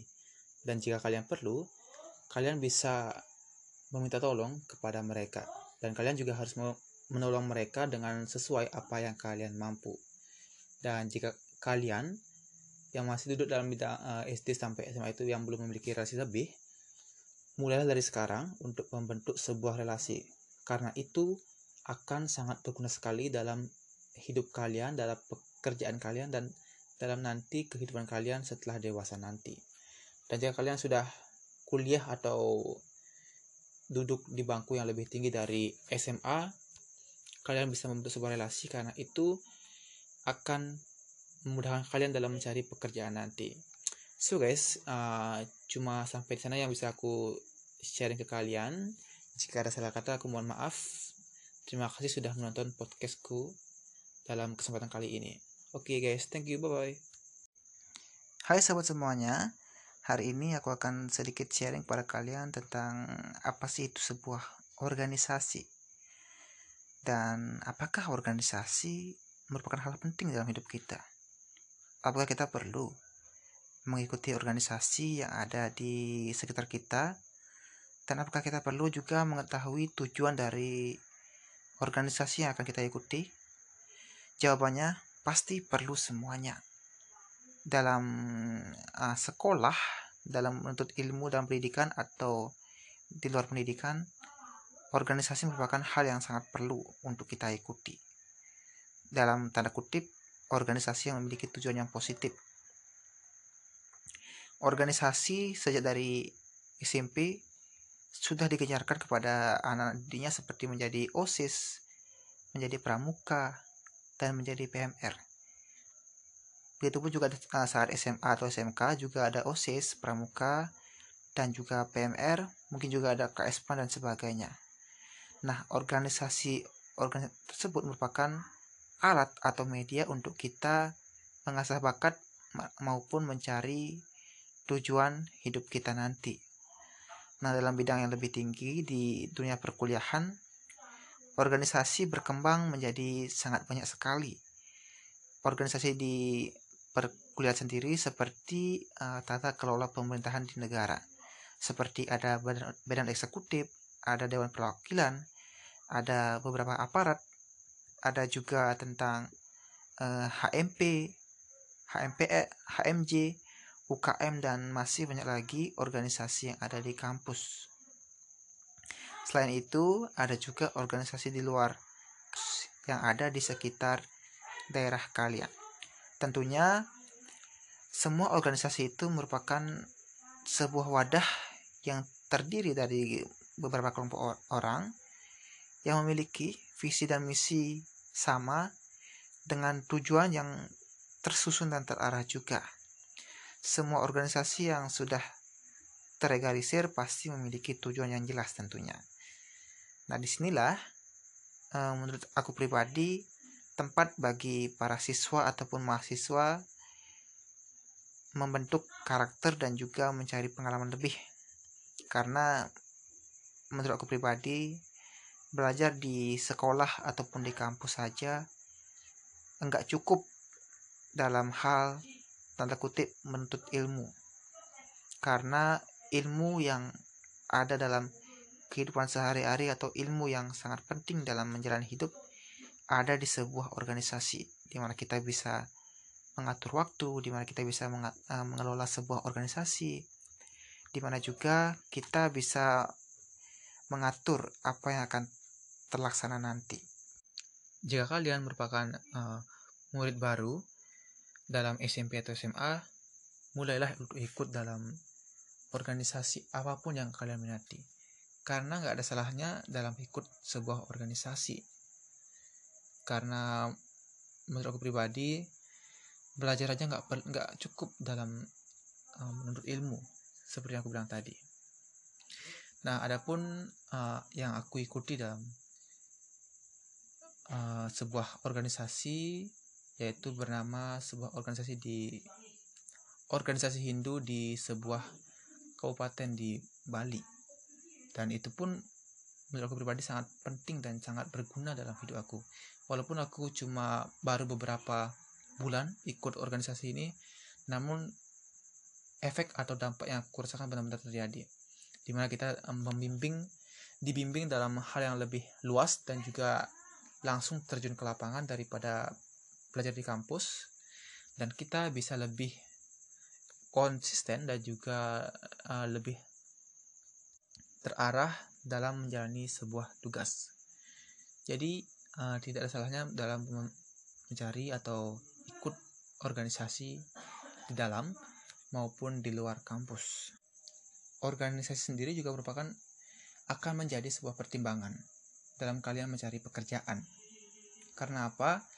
karena eh, orang-orang uh, yang merekrut pekerjanya pasti melihat seberapa aktif dan seberapa cerdas dan ataupun seberapa ambisius dari calon pekerja itu. Jadi so guys, organisasi merupakan hal yang sangat penting dalam hidup kita. Tanpa sebuah organisasi, mungkin kalian akan baik-baik saja. Tetapi orang yang ikut organisasi akan mendapatkan hal yang lebih dari apa dari orang yang tidak ikut dalam organisasi. Namun, tetap disarankan jangan sampai organisasi mengganggu dari proses pembelajaran kamu di sekolah ataupun di kampus. Karena apa? Karena tujuan orang tua kalian menjauhkan kalian pasti untuk belajar dengan giat di sekolah ataupun di kampus. Namun organisasi merupakan hal yang kedua yang harus kalian pertimbangkan. Karena apa? Karena kalian akan mendapatkan hal yang baru, pengalaman yang baru dan bagaimana sebuah hal atau permasalahan langsung kita terjun ke lapangan tersebut. So guys, jadi dalam hal belajar di sekolah ataupun organisasi merupakan dua hal yang penting yang harus kalian pertimbangkan. Jadi sampai di situ saja apa yang bisa aku sampaikan hari ini dan terima kasih yang sudah menonton mohon maaf jika ada salah kata aku akhiri dengan uh, terima kasih dan bye bye Oke, okay, hai semua. Salam sehat untuk kita semua. Pada kesempatan kali ini aku akan sedikit sharing tentang apa sih itu soft skill dan juga hard skill. Lalu mana yang lebih penting antara soft skill dan hard skill dalam kehidupan kita sehari-hari dan juga dalam bidang pekerjaan kita. Nah, tentunya kita sudah sering mendengar apa sih itu soft skill dan hard skill. Kedua hal itu merupakan hal yang sangat penting untuk kita mencari pekerjaan, apalagi kita yang sudah fresh graduate yang bingung mencari pekerjaan pasti membutuhkan kedua hal tersebut. Oke, kita mulai dulu dari pengertian satu persatu. Kita mulai dari pengertian dari hard skill. Jadi hard skill merupakan keterampilan atau pengetahuan khusus yang dibutuhkan untuk sebuah pekerjaan misalnya saja kalau kamu ingin melamar pekerjaan di bidang uh, editing berarti kamu harus mempunyai hard skill di bidang uh, Photoshop, video shot juga dan juga mem memiliki kemampuan dalam bidang menentukan warna dan sebagainya. Pokoknya yang berkaitan dengan editing foto dan foto dan video. Nah, itulah uh, gambaran dari jadi hard skill ini bisa kita capai melalui pendidikan formal kursus, dan juga pelatihan. Dan biasanya skill ini pasti ada bukti yang disebut dengan ijazah atau sertifikat. Jadi kegunaan dari ijazah atau sertifikat itu menjadi tolak ukur kita seberapa tinggi sih kemampuan kita di bidang tersebut. Misalnya saja jika kamu ingin mendalami ilmu di bidang bahasa Inggris, lalu kamu mengikuti sebuah tes TOEFL dan dalam tes TOEFL itu kamu mendapatkan nilai yang uh, lumayan. Jadi nilai itulah adalah patokan seberapa jauh atau seberapa tinggi kemampuan kamu dalam bidang bahasa Inggris seperti itu. Oke, okay, dan apa sih pengertian dari soft skill? Jadi jika hard skill merupakan hal yang bisa terukur dan merupakan sebuah bakat kita, Sedangkan soft skill merupakan atribut pribadi atau bisa juga disebut dengan kemampuan interpersonal yang dibutuhkan dalam bidang pekerjaan. Jadi soft skill ini lebih mengarah ke kepribadian kita dan bagaimana cara kita mengatasi sebuah masalah dalam bidang pekerjaan. Kemampuan ini lebih uh, ke cara kamu berinteraksi dengan orang lain dan juga bagaimana menanggapi orang lain contoh-contoh dari uh, soft skill ini seperti berkomunikasi yang baik dengan sesama rekan kerja, memanajemen waktu yang baik, terus motivasi, kecerdasan emosional, dan sebagainya. Apa pun pekerjaanmu pasti yang memerlukan yang namanya sebuah soft skill di dalamnya. Sama seperti hard skill, soft skill bisa juga dipelajari dan dikembangkan bisa dipelajari melalui kursus juga dan juga pelatihan. Tetapi karena soft skill ini adalah kepribadian dasar dari seseorang, maka cara terbaik untuk meningkatkannya yaitu dengan banyak berinteraksi dengan orang lain dan juga melatihnya sendiri dan sering-seringlah mengintrospeksi diri mana yang baik dan benar. Misalnya saja kalau kamu ingin mengembangkan skillmu di bidang komunikasi, kamu bisa belajar teorinya melalui kursus atau pelatihan, tetapi kamu harus banyak banyak uh, kursus atau pelatihan langsung dengan berinteraksi dengan orang banyak di depan umum dan sebagainya. Oke, okay, dan itulah dia contoh, ah sorry, itulah dia pengertian dari hard skill dan juga soft skill. Dan kita uh, lanjut ke contoh dari hard skill.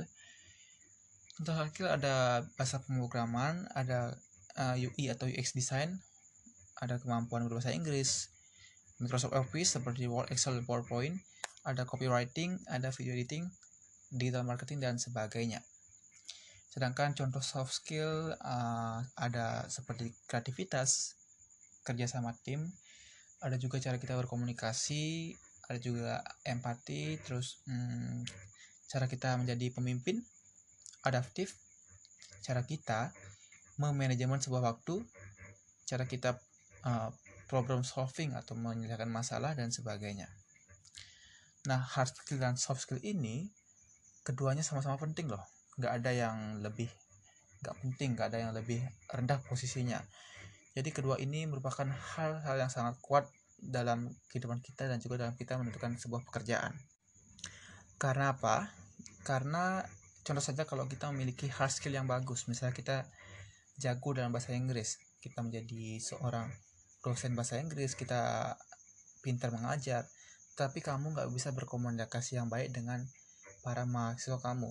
Kamu juga nggak bisa mengatur emosimu, atau kamu juga nggak bisa memanajemen sebuah waktu antara kamu harus mengajar dengan menjadi orang tua di rumah. Maka hal itu akan sangat mengganggu pekerjaan dan bidang uh, kehidupan kamu sehari-hari. Jadi kedua hal ini merupakan hal yang sangat penting untuk kita terapkan dan juga kita latih keadaannya. Contoh lain, kita sebagai anak pendidikan, anak milenial, anak mahasiswa atau siswa pasti sangat sibuk kan, di mana kita harus juga harus uh, belajar di kampus atau sekolah, kita juga harus menyediakan waktu di bidang membuat tugas.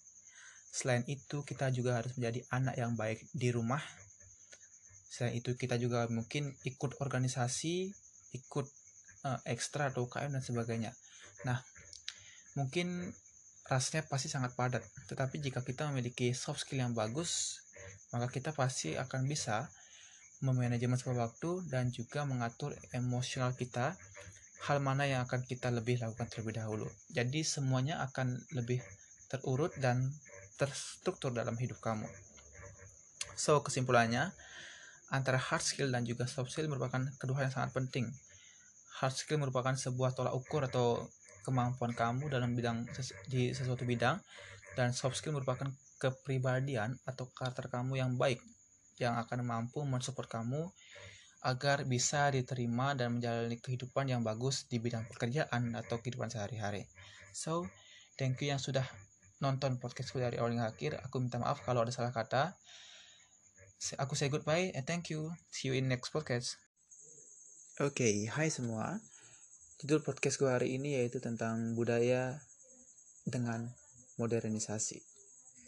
Aduh, kalau kita ngomong tentang modernisasi ya, sekarang itu di tahun 2022 dan ke depannya pasti sudah melekat yang namanya tentang modern. Mulai dari penggunaan teknologi yang semakin marak mulai dari anak kecil bahkan sampai orang yang lanjut usia pun sudah menggunakan teknologi seperti handphone, televisi, dan juga alat transportasi yang lebih canggih. Apalagi dengan alat transportasi online seperti Grab dan sebagainya itu merupakan sebuah kemajuan yang tinggi dan sangat pesat di bidang teknologi. Dan kita juga belum tahu apa saja perkembangan teknologi yang akan terjadi di kemudian harinya. Apalagi ini merupakan tahun yang baru, awal tahun yang mungkin ke depannya bakal makin banyak teknologi yang berkembang. So di tahun 2022 ini juga masih uh, kita masih bergelut dengan pandemi pandemi COVID-19 jadi kita harus stay di rumah gak apa-apa yang penting kita masih sehat dan juga masih bisa bersyukur masih bisa hidup walaupun mungkin ada beberapa teman kita atau saudara kita yang memiliki krisis ekonomi krisis kesehatan misalnya atau lagi mengendap, me, mengalami kendala keuangan dan sebagainya kita harus tetap bersyukur jika kita masih diberikan kesehatan dan nyawa kehidupan kita. Dan berbicara tentang modernisasi merupakan hal yang baru dan sangat disukai oleh generasi kita. Di samping itu ada hal yang tertinggal yaitu sebuah budaya. Jadi apa sih budaya itu? Kalau kita berbicara tentang budaya pasti di benak kita merupakan sesuatu yang tradisional, sesuatu sebuah warisan atau hal yang kuno memiliki spirit tertentu dalam beberapa bidang tersebut.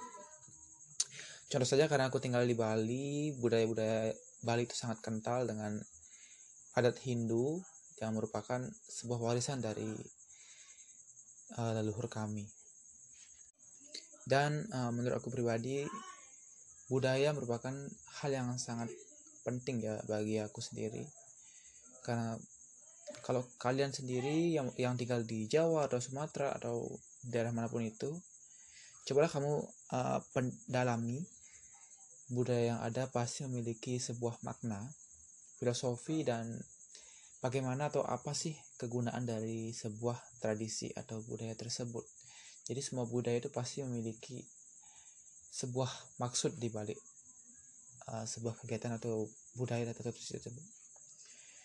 Hmm, jadi uh, permasalahannya itu generasi sekarang lebih condong untuk mempelajari sebuah teknologi. Karena apa ya? Karena asik aja gitu kita berbicara tentang teknologi misalnya main HP, main game atau TikTok medsos dan sebagainya itu memang merupakan hal yang sangat seru dibandingkan jika kita belajar hal yang sudah tradisional, sudah kuno dan mungkin bisa dibilang uh, disebut dengan ketinggalan zaman. Ya kalau kita ada juga yang bilang kalau kita nggak bisa bergelut di bidang teknologi maka kita akan kalah dengan adaptasi dunia ini. Karena semua hal pasti membutuhkan yang namanya kecanggihan teknologi. Istilahnya itu kalau kalian gaptek ya kalian kalah di dunia era ini mungkin kalian nggak bisa menggunakan laptop kalian nggak bisa um, mengetik kalian juga nggak aktif dalam medsos nggak punya medsos ya pasti bakal susah gitu nyari pekerjaan atau nyari teman pun susah. Jadi bisa dibilang modern itu hal-hal modern itu bukan hal yang susah kalau kita nggak mempelajari hal tersebut. Di samping itu budaya merupakan hal yang sangat penting karena itu merupakan warisan dari uh, leluhur kita warisan dari bapak ibu kita dan juga hal yang harus kita lestarikan. Hmm, jadi aku akan sedikit menjelaskan masih penting gak budaya di era sekarang mengingat modern yang sangat tinggi ini. Aku sendiri sih penting banget.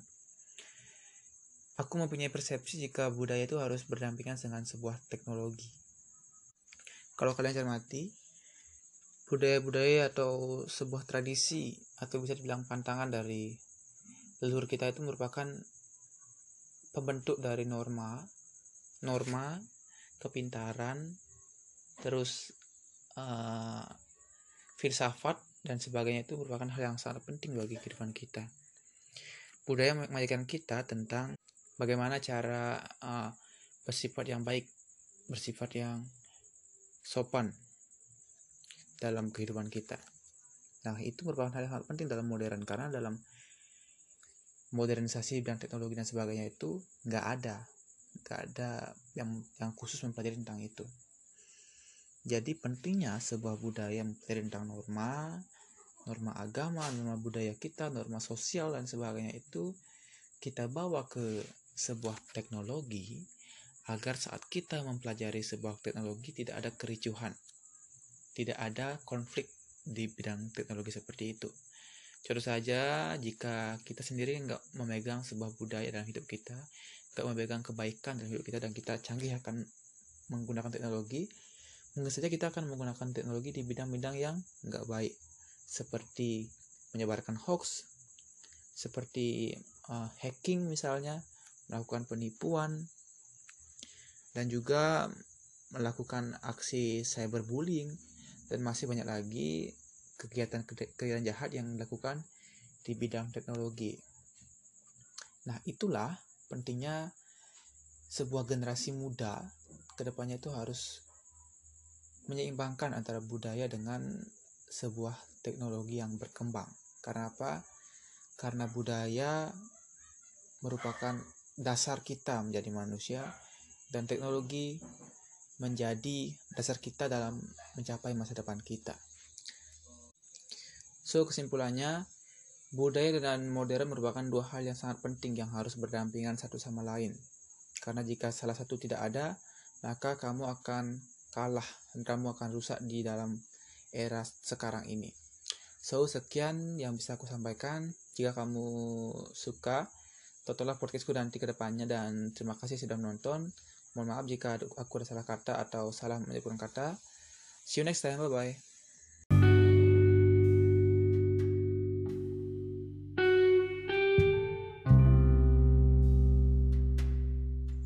Masa muda adalah masa yang berapi-api. Masa muda adalah masa emas yang tidak akan pernah terulang kembali. Masa muda adalah masa yang mengajarkan kita apa itu rasa sakit, dan masa muda juga adalah masa yang mengajarkan kita bagaimana cara hidup di dunia ini. Hai semuanya, aku Dio. Selamat datang di channel podcastku. Bagaimana kabar kalian hari ini?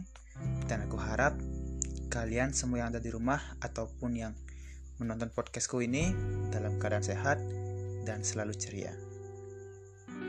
Dan bagi kalian yang merasa sedih, bersedihlah sesuka hati kalian, menangislah sesuka hati kalian.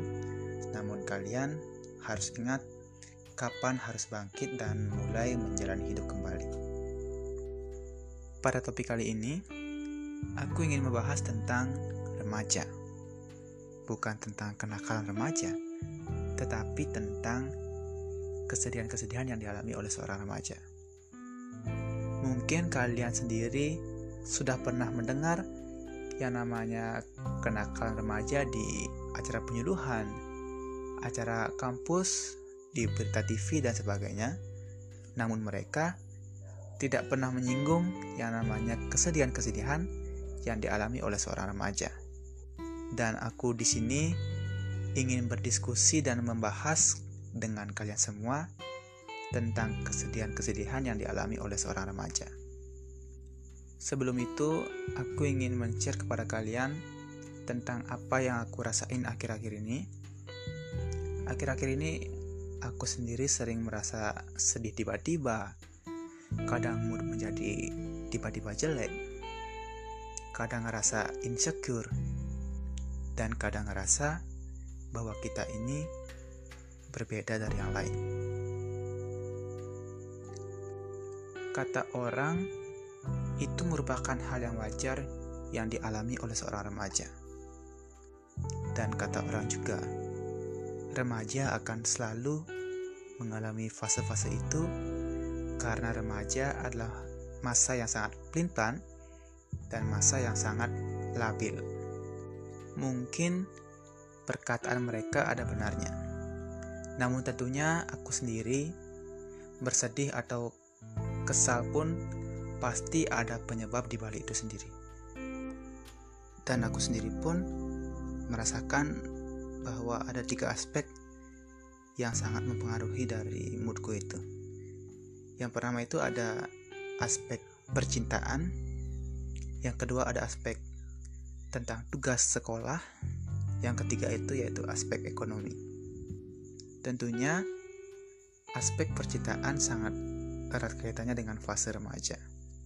Karena fase remaja itu sendiri adalah fase di mana kita merasakan jatuh cinta, merasa suka dengan lawan jenis, dan merasa ingin memiliki seseorang yang kita anggap spesial.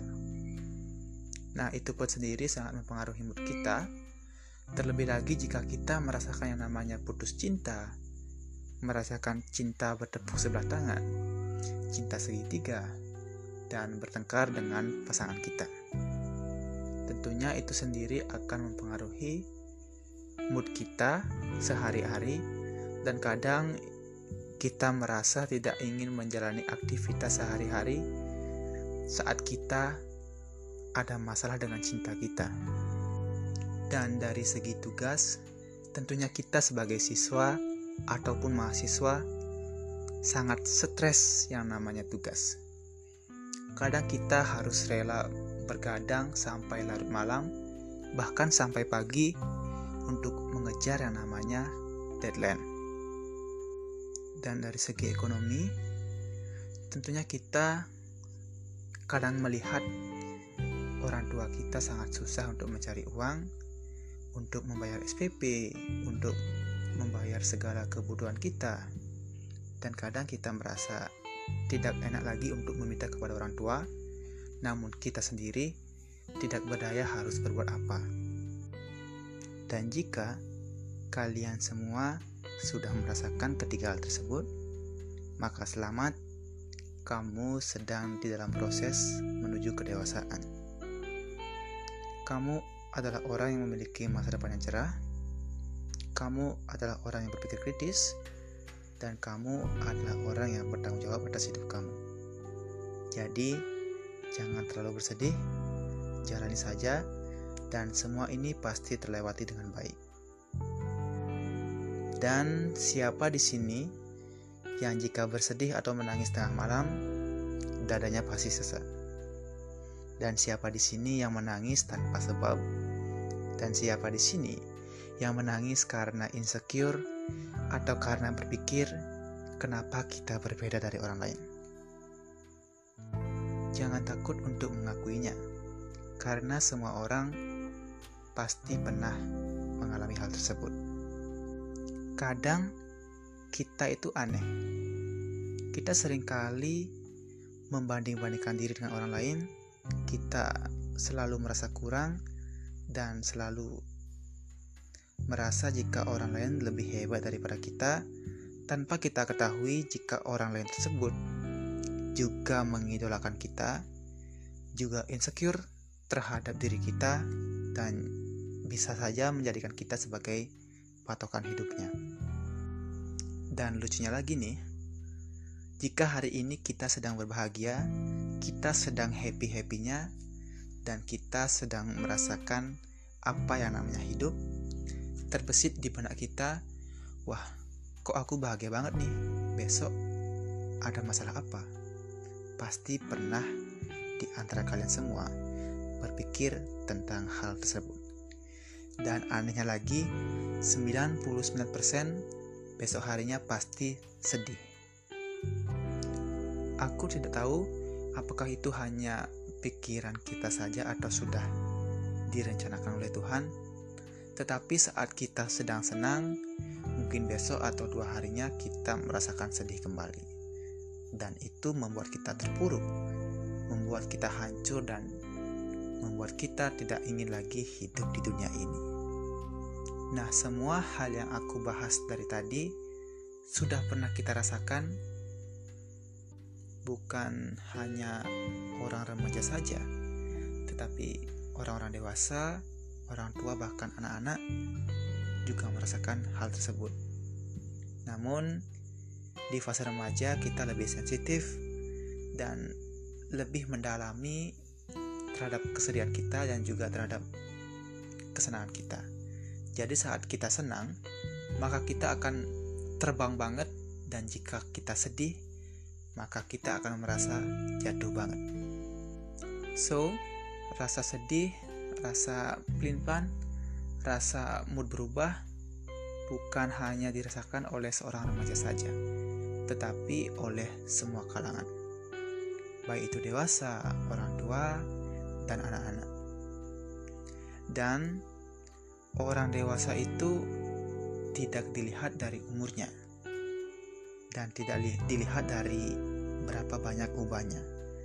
Tetapi orang dewasa dilihat dari bagaimana cara dia menghadapi sebuah masalah. Nah, itulah dia beberapa masalah yang sering dialami oleh seorang remaja.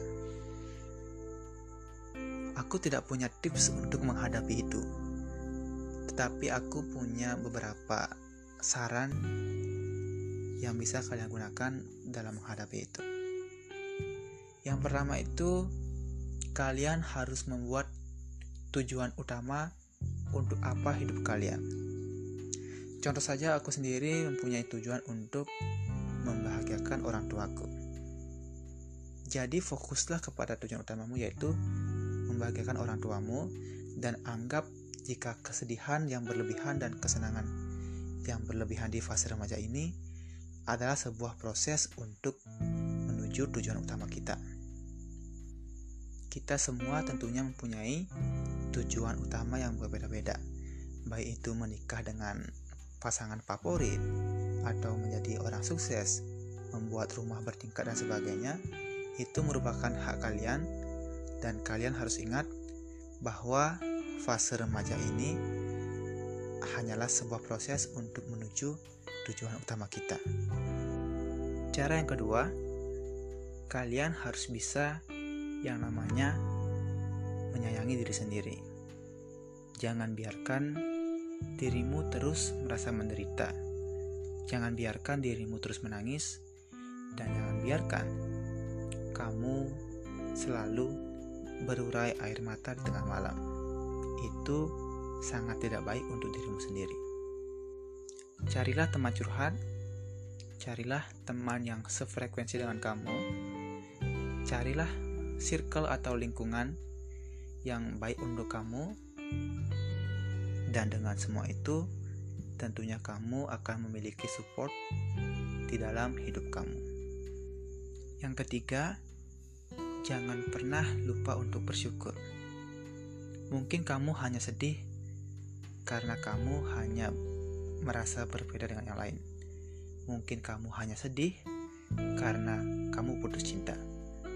Namun di luar sana ada orang yang lebih bersedih dari kamu karena tidak bisa makan, karena tidak punya tempat tinggal, dan karena hidup mereka sedang kesusahan. Jadi, jangan pernah lupa untuk bersyukur dalam hidup kamu jika kamu masih memiliki keluarga yang sayang dengan kamu, kamu memiliki materi untuk dimakan, dan kamu masih memiliki rumah untuk bernaung.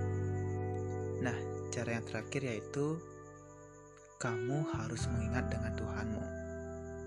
Dekatkanlah dengan beliau, karena semua ini hanyalah duniawi.